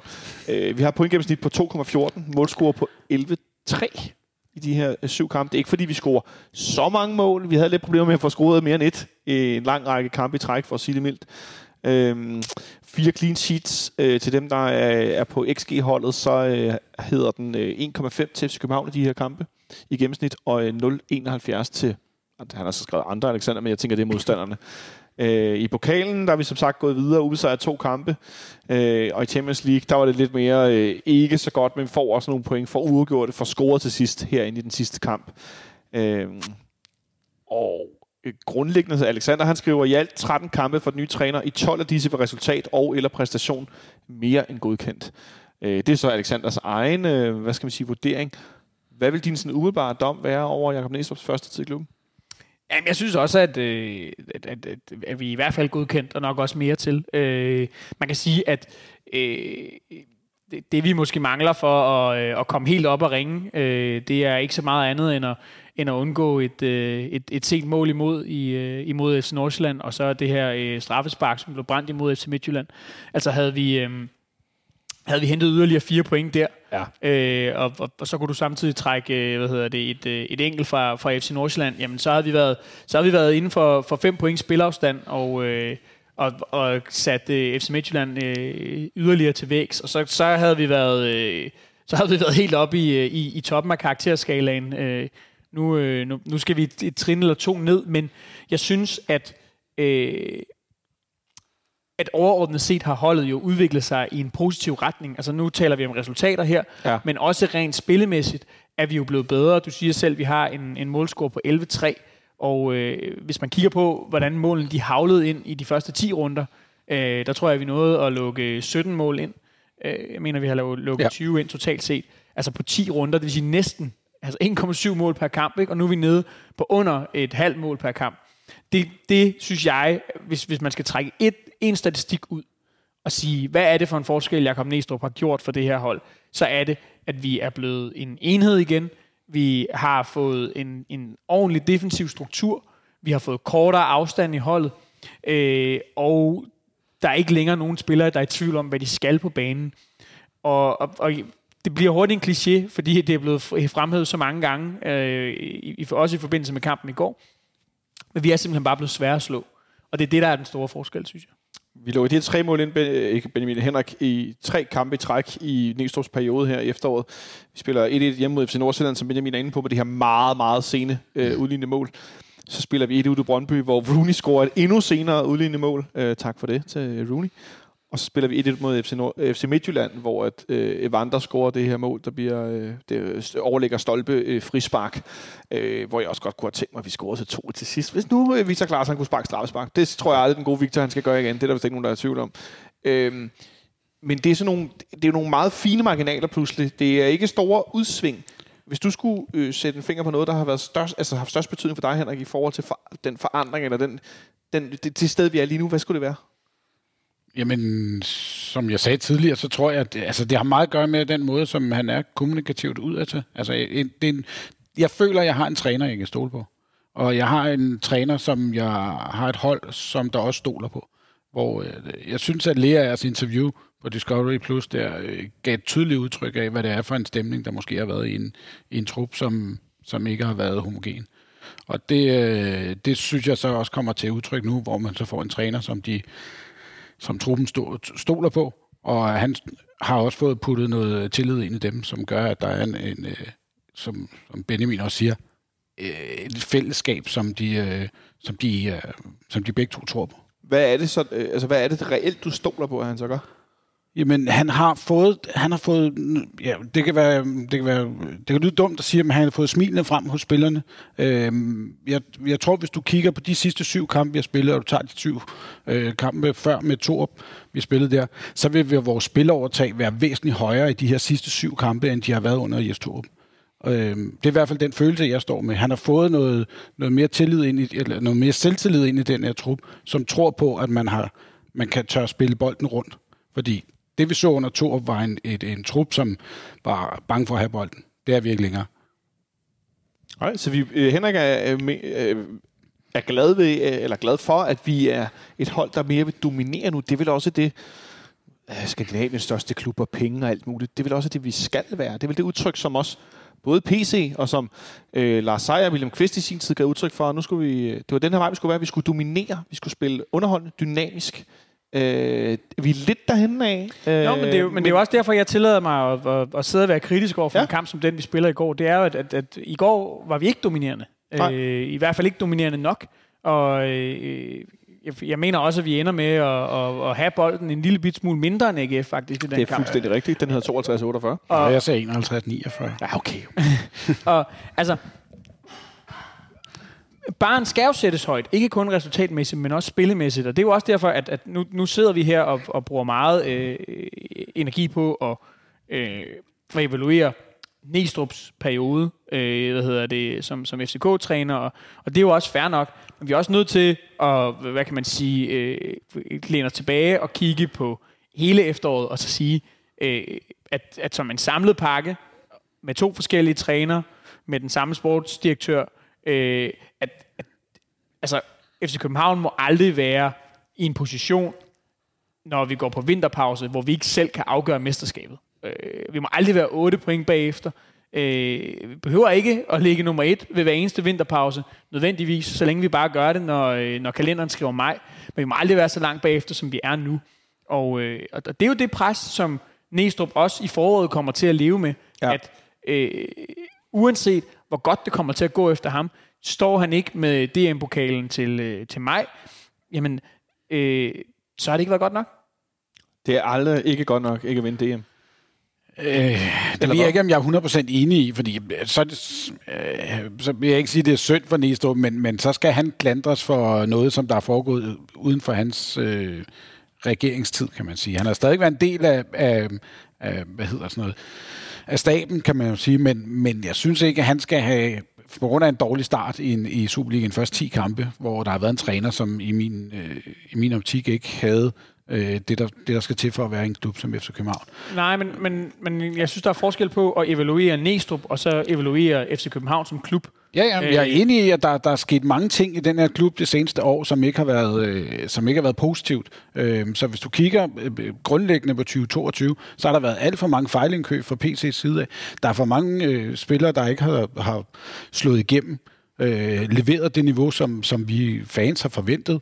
Øh, der har været en træner, som der ikke, ikke, ja, som ikke havde det, der skulle til at være i en klub som FC København. Men vi begynder at bevæge os i en rigtig retning. Men at give Næstrup skylden for, at vi ikke står med Danmarksmesterskabet næste år, det, den, den synes jeg måske er en lille smule hård. Nej, men det, men det, er også, det, det var for at, at præcisere, at det er sådan set ikke det, jeg siger, men det, jeg siger er, at han er jo, altså, det, det pres, han skal præstere under, det mm. er, at selvom at han til mig isoleret set vil kunne stå og sige, det vi har præsteret under mig, måske har, øh, hvad hedder det, øh, han endda stadig et pointsnit over to. Øh, hvad hedder det, måske er spillet også øh, blevet endnu bedre, end det er nu. Ja. Øh, men, men vi kan sagtens risikere alligevel at stå med et sæt sølvmedaljer øh, om halsen, Øh, og, og så må man bare sige, jamen så har det som klub for FC København ikke været godt nok. Og, og det er også det, jeg mener med, at vi skal jo heller ikke kun her evaluere cheftræneren, den aktuelle cheftræner. Vi er også nødt til at evaluere det hele. Ja. Altså evaluere spillertruppen, evaluere sportsdirektørens arbejde, evaluere klubben som helhed. Og der må man bare sige, at, at nu her, hvor vi sidder og sætter punktum for øh, efteråret 2022, så har det som helhed ikke været godt nok. Nej, der er vi også enige. Der er vi 100% enige. Vi er lige nu øh, 8 point efter FC Nordsjælland, der har 35 point for 17 kampe. Øh, de har kun tabt to kampe. Øh, Viborg ligger på andenpladsen med 32 imponerende øh, point, vil jeg sige. Det, det er så dernede med et stærkt Viborg-hold, de har fået stablet på benene. De øh, har fået den, en rigtig, rigtig dygtig cheftræner, som også havde gang i noget i Aalborg blev hans datter desværre meget syg. Han stoppede med at arbejde, nu fik han så jobbet for sin næsten navnebror, der nu er blevet fyret i, i Aalborg. Det er en mærkelig historie om de der, der hedder det samme. Det, mm. Jeg bliver stadig ved med at råde rundt i dem. Øhm, de står til at miste deres uh, sportsdirektør til vinter. Det kommer vi til at nævne snakke om, om et øjeblik, uh, som er sådan en Superliga-ting. Men Benjamin, de her 27 point, vi har 8 point op. Formodentlig to kampe mod FC Nordsjælland i, i uh, mesterskabsspillet. Uh, det tænker vi ender med. Uh, det er vel i virkeligheden den største nøgle overhovedet til den her sæson, at vi vinder mod FC Nordsjælland to gange. Kan vi ja. det? Ja, det tror jeg godt, vi kan. Øh, og jeg tror også godt, vi kan blive mestre, selvom vi kun tager fire point i de to kampe. Okay. Øh, fordi at... Øh, altså, der, der er en del, der ligesom... Øh, øh, der så jeg i kølevandet på, på FC Nordsjællands sejr over AB i går, var ligesom ude med de her med... Øh, hvor, hvor store forspring er egentlig blevet indhentet efter en vinterpause tidligere og sådan noget, og, øh, og, og, og hvad kan man sige, de eneste, der har hentet et, et, et, størrelses, øh, et forspring i den her størrelsesorden tidligere, det er os selv i sæsonen 3-4, da vi, er, da vi er bagud med syv point ved vinterpausen, og ender med at, øh, at, at vinde med et enkelt øh, i, i sidste spillerunde. Men forskellen er jo bare, at der er det her slutspil, og øh, hvis man går tilbage og kigger ud over øh, den sæson, øh, hvad hedder det, ja, den 19, hvor vi bliver mestre, altså inden vi stopper med at spille fodbold, fordi vi har vundet mesterskaber, som vi plejer at gøre under Ståle Solbakken, jamen, så har topholdene altså haft en tendens til, at øh, naturligt nok, at holde et lavere pointsnit i det her slutspil. Fordi der er flere svære kampe mod de andre tophold, end man har gjort i den resterende del af sæsonen. Og det vil sige, at altså, der er jo en, en, en grund til at tro på også, at vi med et hold, der har fået mere tid under Næstrup, som måske endda er blevet forstærket med 1, 2, 3 spillere med den rette kvalitet. Øh, så må vi se, hvad FC Nordsjælland gør. Øh, altså, kan, øh, kan hente et, et bedre pointsnit simpelthen end FC Nordsjælland i, øh, i løbet af, af, af det her forår. Og så er det klart, så bliver de afgørende, de her to øh, indbyrdeskampe. Altså, der, jeg, jeg, jeg har sådan tre holdepunkter i, i, det, i forhold til det her mesterskabsspil. Det, den, den første er, øh, hvem kommer med i det her mesterskabsspil? Fordi, Og det skal vi sætte til sidst. ja, men jeg vil godt bare lige knytte mine ting, der, fordi oh, ja, ja, det kommer, altså den, om vi slår Nordsjælland to gange, kommer stadig til at afhænge af, som du selv er inde på, det her med, hvem andre kommer med, fordi er der ikke nogen af hverken Brøndby eller Midtjylland, der kommer med i det slutspil, så er der ikke de der store, svære kampe måske, så er det andre modstandere, man skal møde. Ikke? Øhm, det næste det er det her, jeg kan også godt se, at der kan komme et transfervindue i, i januar, hvor der kan sidde nogle sportsdirektører rundt omkring, som skal til at redde deres klubber fra ikke kan komme med i mesterskabsspillet, altså, så det kan blive sådan lidt panikvindue fra nogen side af, øh, i forhold til at gå ud og lave indkøb. Og det kan ødelægge fuldstændig det her øh, indkøbshelvede, øh, helvede, det bliver i, øh, i januar. Og så den sidste ting, det er, jeg er også meget, altså, hvor meget vil de selv sælge ud øh, Nordsjælland? Øh, det, det kan jeg også godt øh, blive lidt i tvivl om, om, om de er villige til at holde, om de kan holde på de spillere, som de har, for de har mange øh, unge talenter, som der er, der er på rå, eller der, der er andre, der er ude efter. Ikke? De har fået en masse penge ind over den sidste periode. De Ja. sælger nogle, nogle store beløb Kamaldin sidste år. Så jeg, jeg tror ikke, de mangler penge Nej. op i farm, øh, hvis det skulle være, at man ikke har lyst til at sælge. Man går benhårdt efter at holde den her førsteplads. Ja, man kan sige, de jo, hvis man tager et konkret eksempel, så er de jo nødt til at lave en afvejning formentlig i forhold til Andreas Scheldrup. Øh, han har halvandet år tilbage i sin kontrakt. Han har været ude at sige for nylig, at det ikke er aktuelt for ham pt. at forlænge den. Det vil sige, skal du score rigtig mange penge på ham, jamen, øh, så skal han jo afsted i januar. Og ellers så siger man, men vi, nej, vi holder sammen på truppen og forsøger at gå 100% efter det her mesterskab. Og så kan det godt være, at vi må æde, at han i sommeren 2023, fordi der kun er et år tilbage, at så bliver han ikke solgt for helt lige så meget, som eksempelvis Kamaldin. Ja. Ja. Øh, det, det skal jeg ikke gøre mig alt for klog på, men det er jo den slags afvejninger, som de skal tage. Jeg tror, at øh, FC Nordsjælland holder sammen på deres trup. Jeg tror også, de går ud og forstærker sig. Øh, jeg vil ikke blive overrasket, hvis øh, Emiliano Marcondes, han spiller i øh, FC Ah, ja. Nordsjælland, når... Øh, øh, ja, Ja, når, undskyld mig. øh, når, januar, når januarvinduet det er slut, om ikke andet på, på en lejeaftale eller sådan noget den stil. Ulidelig type. Undskyld mig. Og så må vi se, hvad vi selv gør. Mm. Øh, jeg, øh, jeg synes, jeg synes Monson har en pointe i, at, at det, er, det er også en, det er et svært forår at øh, spå om, fordi der netop er så meget usikkerhed om tre af pladserne Der i er det her. lige nu øh, fra Brøndbys 10. plads, den er dejlig at nævne, til Silkeborg på 4. pladsen. 21 point, 24 point. Mm. Det er jo, det, det, jeg kan da ikke huske at set noget, der bare tilnærmelsesvis ligner det her.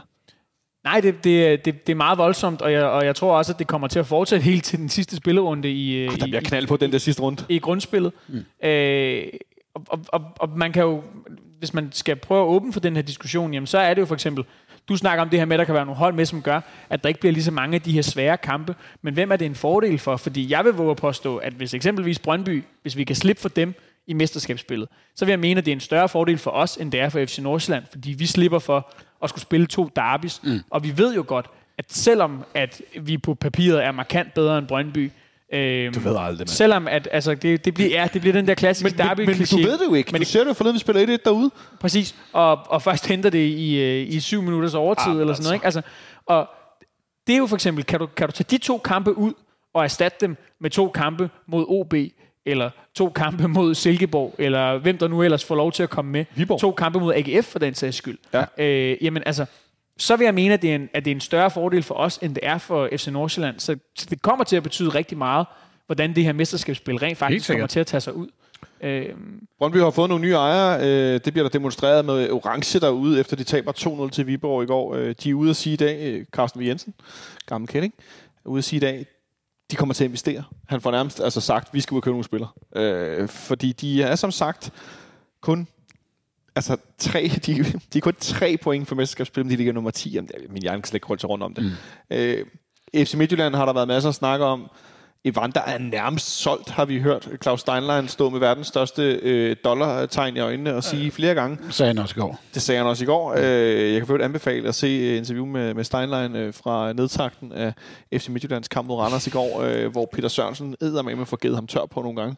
Hvor, altså, at hans, øh, hvad skal vi sige, og det er ikke bare fordi, jeg kan ikke lide Steinlein, men det er fordi, hans bullshit bliver kaldt ud. Altså, der, der er en, der går til ham, når han får sagt de her floskler og almindeligheder. Så, altså, han går virkelig til ham. Det synes jeg er fedt. Øhm, og så er der Gustav Isak- Isaksen, som også er blevet meldt øh, ud af FC Midtjylland for mange, mange, mange penge.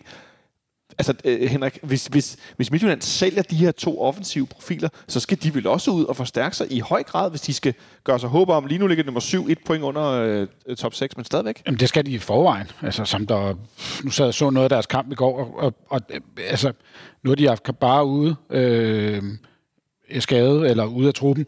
Øhm, og i går, der spiller han så, og da han så bliver skiftet ud, så sætter de øh, Jorginho ind, tror jeg, det er det, han sætter Jorginho, Forsvars, ja. forsvarsspiller, forsvarsspiller ind for at spille angriber, fordi det er den eneste angriber, de har, eller i anførselstegn angriber, de har. Det er den eneste, de har, der er jo hovedståstærkt til, at der kan spille op på toppen. Altså, og så kan man, i, i, de siger også i kommenteringen, at da de spiller deres pokalkamp, øh, der, bliver, der sidder Kabar på, øh, på bænken, og det er øh, Nunino, der starter inden. Altså, så det er et spørgsmål om, at de skal ud og handle. Der er der slet ikke nogen tvivl om, at de skal ud og købe ind, og de skal ind og købe stort ud, eller købe stort ind. Noget, der overrasker mig, Benjamin, bare lige for at blive ved FC Midtjylland, som jo er en af vores øh, største konkurrenter, øh, det er jo ingen hemmelighed, øhm, at, øh, hvad hedder han, øh, Daniel Aarved i går, som kommenterer kampen i Randers, han får, da den er lige ved at slutte, jeg tror, han har så ventet med den her statistik, for han nævnt, at de de sidste fire kampe i alt har haft syv skud på mål. Altså, øh, jeg, jeg synes ikke, man skal male for store billeder, men det får mig alligevel til at tænke, kan jeg godt afsløre, det var meget selvmodsigende, at, at, at de er i, et- ikke bare lige nu sådan lidt, åh, de kan ikke lige få det til at fungere, men det virker mere sådan, altså strukturelt, at de har et problem rent spillemæssigt. Ja, men, men det har de jo, fordi at de har valgt en, øh, at, at, at gå med en træner, som øh, vil spille på en markant øh, anden måde, end det, som FC Midtjylland har, har været vant til, og det, som de har købt deres trup ind til og bygget den op til, nemlig at man øh, relativt ofte, øh, både under Bro Henriksen, men også tidligere, ikke havde noget problem med at spille øh, langt relativt tidligt, og så spille derfra. Ja. Nu har man en, en, øh, en, en, en træner, som gør meget mere ud af fase 1, øh, og som gerne vil lave korte igangsætninger. Han har skiftet målmand, øh, sandsynligvis øh, i, i høj grad, fordi at Jonas Løssel er bedre med fødderne end Olafsson. Øh, han vil gerne bygge spillet op nedefra, men deres midterforsvar kan det ikke. Altså, de evner ikke øh, hvad hedder det, at gøre det med bolden. De mangler he- og, og stadigvæk at få trænet strukturen ind, ser det ud til, for at kunne gøre det. Øh, deres backs er måske heller ikke gode nok. Altså, øh, jeg, jeg tror, at FC Midtjylland kommer til at gå ud og lave et rigtig offensivt januarvindue. Jeg tror også, at det skal være nok til at, øh, at hive dem i, øh, i top 6, fordi de er meget tæt på. De mangler, de mangler et point for at ligge der nu. Ikke? Øh, så så dem, dem, dem er jeg ikke i tvivl om. Og så må vi se, hvad, hvad, hvad Brøndby gør, og om, om det er nok. De har et svært program øh, efter, efter vinterpausen. Øh, så er der jo flere andre ubekendte. Der er også det her med, at, at der går rygter om, øh, øh, at, at der kan være nogle investorer på vej ind i AB, og de skal i den grad også ud og lave et offensivt januarvindue, hvis øh, de skal redde sig fra at, at rykke ned. Og, altså, så der kan være mange øh, hold, som kommer til at gå ud og bruge rigtig, rigtig mange penge i det her det, januarvindue. og det er netop det, øh, det mener, det er, at det kan komme til at ødelægge markedet for mange andre, fordi så begynder priserne lige pludselig at bruge- blive skruet så højt op, fordi man mange gange, det er jo det samme marked, vi alle sammen kigger i i dansk fodbold. Altså, så, så det kan bare blive svært, og kan, det kan blive nogle grimme beløb, der skal frem. Men når, hvis vi kigger på Midtjylland, så synes jeg også bare, at nogle af, nu er der mange, der kritiserer vores, det er vi også rigtig gode til selv, vores egne indkøb, som der er blevet lavet i de sidste to transfervinduer, ikke har slået til. Men hvis man kigger på deres sidste to transfervinduer, så har den altså også været grim. Altså nogle af de lejeaftaler er jo, er jo, er jo ikke blevet generstattet, efter de er væk igen, vel? Så de står altså også bare med en trup, som for det første, et, ikke aldersmæssigt er gammel, men den er måske ved at være lidt... Øh, uhomogen i forhold til, at det er nogen, der har været samlet i rigtig mange år, og det er de samme spillere, der spiller igen og igen og igen. Der trænger til noget fornyelse i den trup. Det har de også behov for. Det kan de have et stort behov for. Øh, jeg, jeg, jeg synes, det det, er, det er spændende at tale om, også fordi, at vi skal selvfølgelig også måske lige prøve at give en lille smule på, hvad vi selv gør. Øh, noget andet, der er sket, nu nævner, I, nævner vi Brøndby, som, som formodentlig kommer til at gå ud og investere, gætter jeg på, ret voldsomt. Øh, de har simpelthen i dag fyret Niels Frederiksen, øh, som gjorde dem desværre, undskyld, jeg nævner det til, til Danmarksmester øh, for ikke så skide lang tid siden. Øh, noget, som glæder mig et eller andet sted, fordi jeg har længe anset ham som værende en vanvittig dygtig træner, øh, rent fagligt, øh, fodboldmæssigt, som har fået enormt meget ud af, lad os kalde det, begrænset øh, kvalitet i spillematerialet. Øh, fyre alle mulige historier rundt om i dag, i dag om, at de vil have en dansk træner, de vil have en udenlandsk træner, der er nogle navne i spil, der er de åbenlyse, vi alle sammen kan plukke ned for træerne af, af potentielle kandidater. Øhm, hvor, øh, hvad fanden skal jeg spørge om? Tror du, de får hævet sig op, Benjamin? Øh, ja, jeg tror, de kommer bedre ud øh, efter, efter vinterpausen, end de har set ud her på det seneste. Jeg, øh, jeg tror sådan set, det er rigtigt nok at, at skille sig af med Niels Frederiksen. Han, han, han vil jo heller ikke selv længere, altså, Nej. hvis øh, man skal tro øh, den fortælling, der bliver... Øh, Hans kontrakt udløber til sommer, ja, eller udløb. Og, og, og, altså, de, det, var, det, var, det tror jeg var kørt træt derude, øh, og, og man kan sige, at at, at selvom de jo faktisk i sommer får lavet øh, hvad hedder det, nogle fornuftige indkøb, jamen så har det bare ikke vist sig at være nok til at løfte holdet øh, ud af den der sump, de er havnet i nede i, i, bunden af rækken. Ja, det er fremragende. Jeg, jeg tror, at øh, jeg, jeg, jeg tror desværre, at, øh, at, at de kommer forstærket ud. Så må vi se, om det er nok til at bringe dem i, øh, i, i top 6. Øh, men altså egentlig er jo det, vi sådan bliver ved med at og, og, og ligesom på en eller anden måde at, at kredse rundt om, det er jo, at der er så mange ubekendte, øh, hvad hedder det lige nu, mm. og med den her tætte række, at det er også det er svært at spå om, hvordan den her top 6 kommer ja. til at se ud. Vi prøver det om lidt. Øh, vi skal lige vende en ting, Henrik. Øh, den sidste øh, sådan store nyhed, synes jeg, Superliga-mæssigt er, at øh, øh, hvad hedder det, sportsdirektøren i, øh, i Viborg, øh, Jesper Fredberg, nu er blevet ansat øh, som... Var den helt officiel, eller var den ikke Nej, den var ikke helt officiel. Nej, ikke officiel. Den, øh, Bold.dk havde den tidligere for, øh, for, for belgiske medier, og øh, BT, øh, Farsam Aboloseni, havde en længere artikel, hvor han tydeligvis havde talt med nogen, der vidste, hvad der foregik, i, i forhold til, at Jesper Fredberg bliver ikke bare sportsdirektør, men sådan, altså, ansvarlig for alt fodbold i Anderlecht. Temmelig hedderkronet, med en meget kriseramt belgisk klub.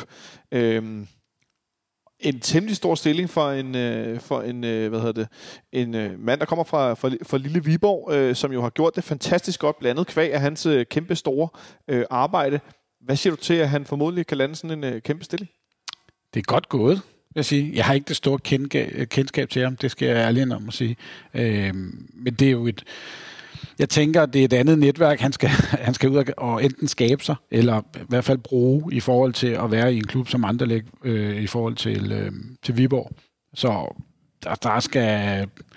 Ja, det er vel... Øh, det er et meget stort øh, skridt op ad stigen. Ja. Øh, i forhold til, hvad han har været i. Så det, det er jeg spændt på, om man kan, om man kan løfte. Jeg kan anbefale at se på, og hedder det, TV Midt hedder det det? Ja.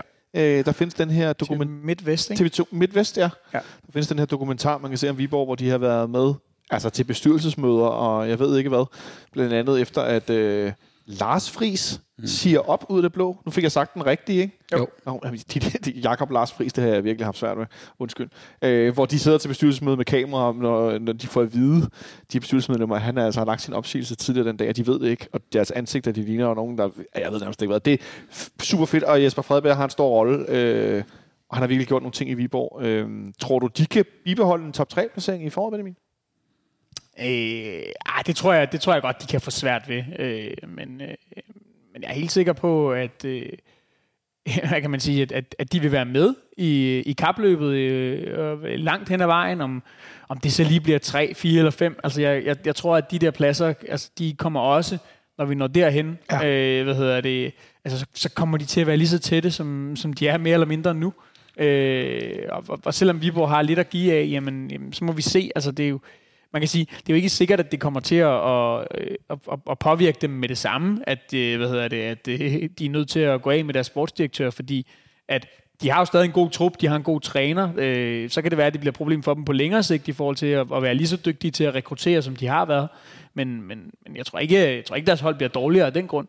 Øh, de kommer til at ligge med fremme, og, øh, og er jo i virkeligheden også, altså kan man sige, øh, FC Nordsjælland løber med, med meget af, af opmærksomheden, men, men trods alt kun tre point foran Viborg, ikke? Og øh, der, der er ikke meget, der skulle være svinget øh, den ene eller den anden vej for, at, at det var Viborg, der var gået til, øh, til pause som, øh, som etter i, i Superligaen. Nej, du er netop inde på noget af det her. Det er, at øh, Nordsjælland løber med meget opmærksomhed, vi løber med meget opmærksomhed, Midtjylland, Brøndby løber med opmærksomhed, så det er lidt nemt at være være Viborg i, og ligge nummer to i Superligaen, uden at få den store opmærksomhed. Ikke? Der er jo ikke nogen, der står og banker på øh, deres dør ved hver eneste træning og, og stiller spørgsmål.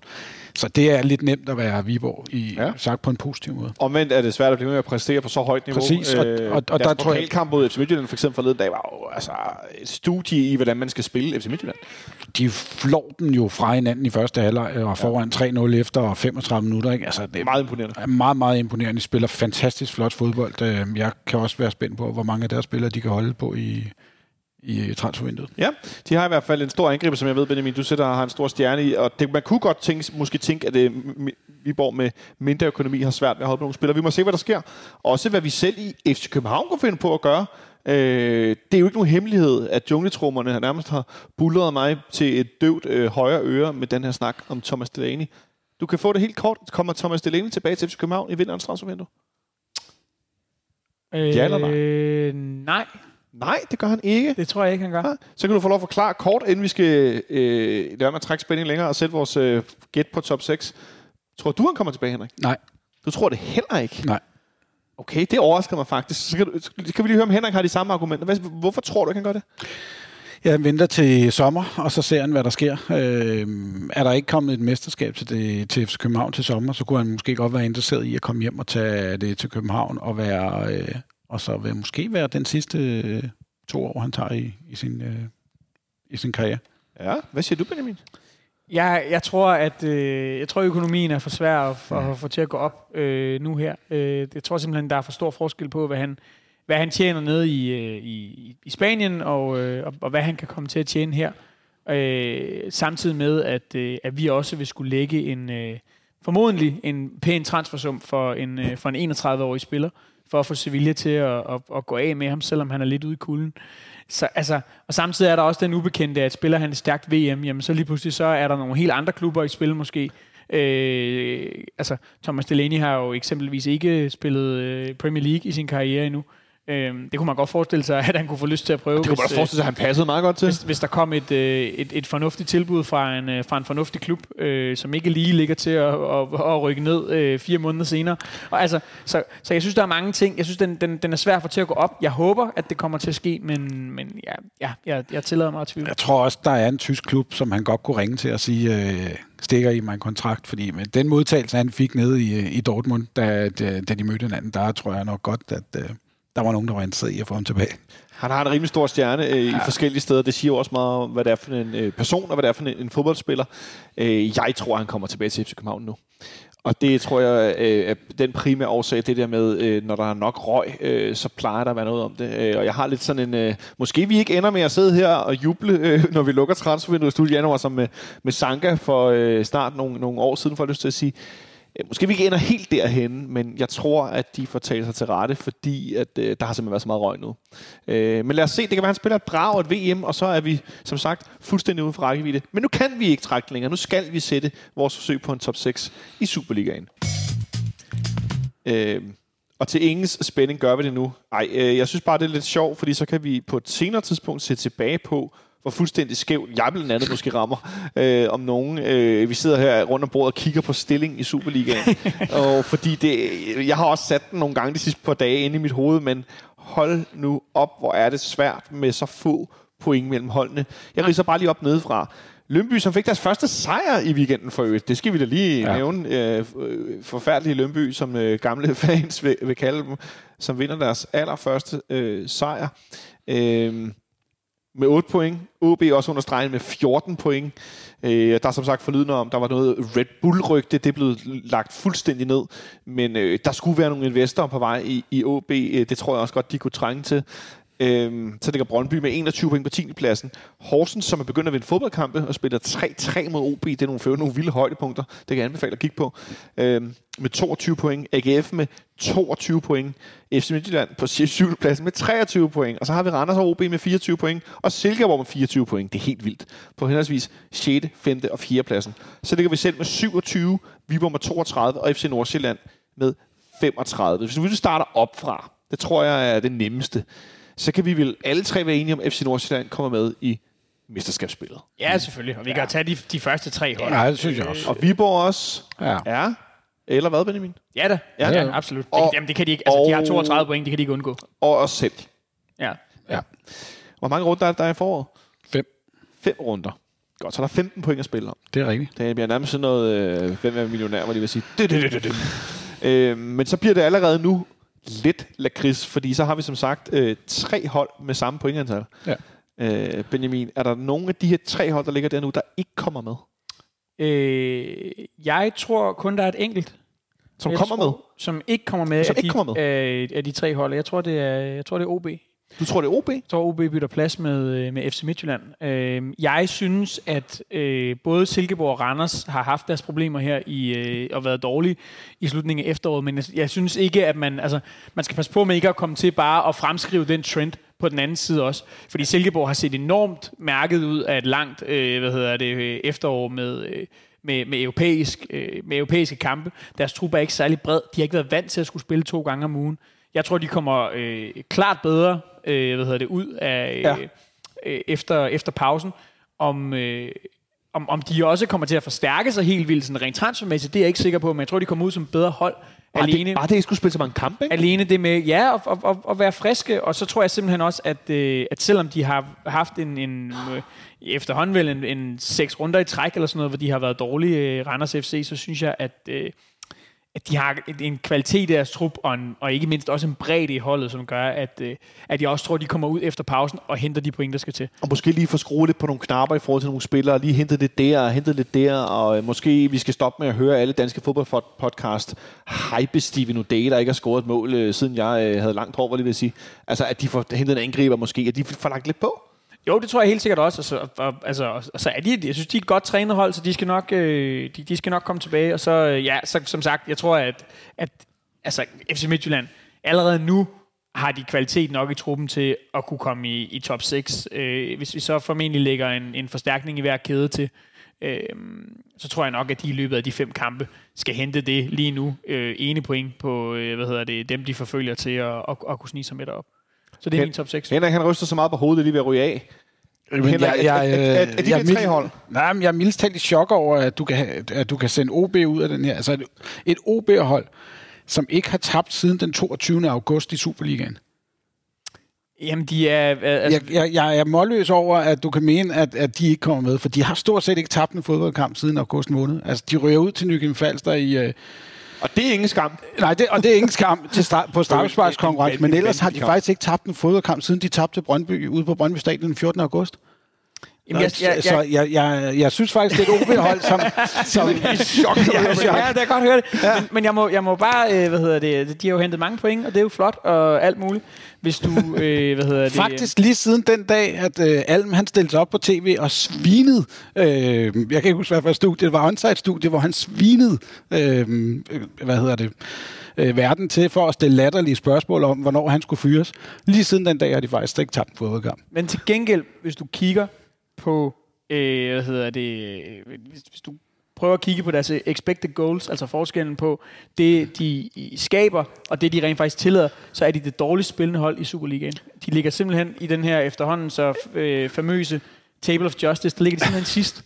Øh, og og det, jeg, jeg tror simpelthen ikke, jeg tror ikke, at de har tilstrækkelig øh, kvalitet i truppen øh, på den anden side til, at øh, altså de, jeg, jeg anerkender, at de har ramt en god stime, men jeg tror netop, det er, hvad det er. Jeg tror, det er en god Det kan du stime. godt have ret i, for de også foran 2-0 i går, og så øh, ender de, for de ender med 3-3. Ikke? Jeg er enig. Altså, det, jeg kan godt være enig i, at det, det har været en god stime, men jeg synes også, der er noget af det hold, som godt kan bringe dem i top 6. De er ikke nogen, der er kandideret til verden en øh, sølvmedalje eller en bronzemedalje, men de kan godt komme blive op i top 6. Jeg, tværtimod tror jeg, at det ikke at Silkeborg kan holde kadencen, fordi de er, de, de, de, så skal den vinterpause virkelig gøre dem noget godt. Og, øh, og de skal blive meget friske, fordi jeg synes ikke, de har set gode ud. Er der en af jer, der har, eller måske hver af jer, øh, har en dark horse blandt dem, der ikke ligger i top 6, der kunne snige sig med sådan overraskende? Jeg kan godt, så ligger jeg ud med min, mens jeg lige tænker, mens I lige tænker, jeg kunne, og jeg ved ikke, altså, jeg kunne godt, som dark horse, jeg tror I siger ikke, det sker, men at Horsens, fordi Jens Bertel Asgaard, som træner derovre, apropos, øh, som jeg sagde for Niels Frederiksen, har fået meget ud af materialet, han har virkelig fået skabt et hold i Horsens. Mm. Og indimellem så laver de altså nogle ting, hvor jeg bliver noget overrasket. Nu ved jeg godt, at Patrick Karlgren blev alvorligt skadet for Randers forleden i kampen, men at pludselig at lave fem mål mod Randers, altså Ja, ja. Det, det, det er ret vold. Netop et godt trænet et hold, hvis defensiv struktur er så stærk. Så hvis jeg skulle have en dark horse blandt de nederste seks, som en overrasker til at tage den 6. plads måske, i de her fem kampe, det bliver jo kaos det der forår. Det kunne være Horsens. Ja, så min er øh, desværre øh, Brøndby. Øh, og det, er, det er baseret på, at jeg tror, at, øh, at de kommer til at gå ud og forstærke sig markant. Ja. Øh, og altså, de, de mangler tre point nu, ikke, for Ja. ja. at, øh, at, at, at kunne komme derop. Der er selvfølgelig også mange hold, de skal gå forbi, og det er jo selvfølgelig det, der kan blive deres, øh, deres udfordring.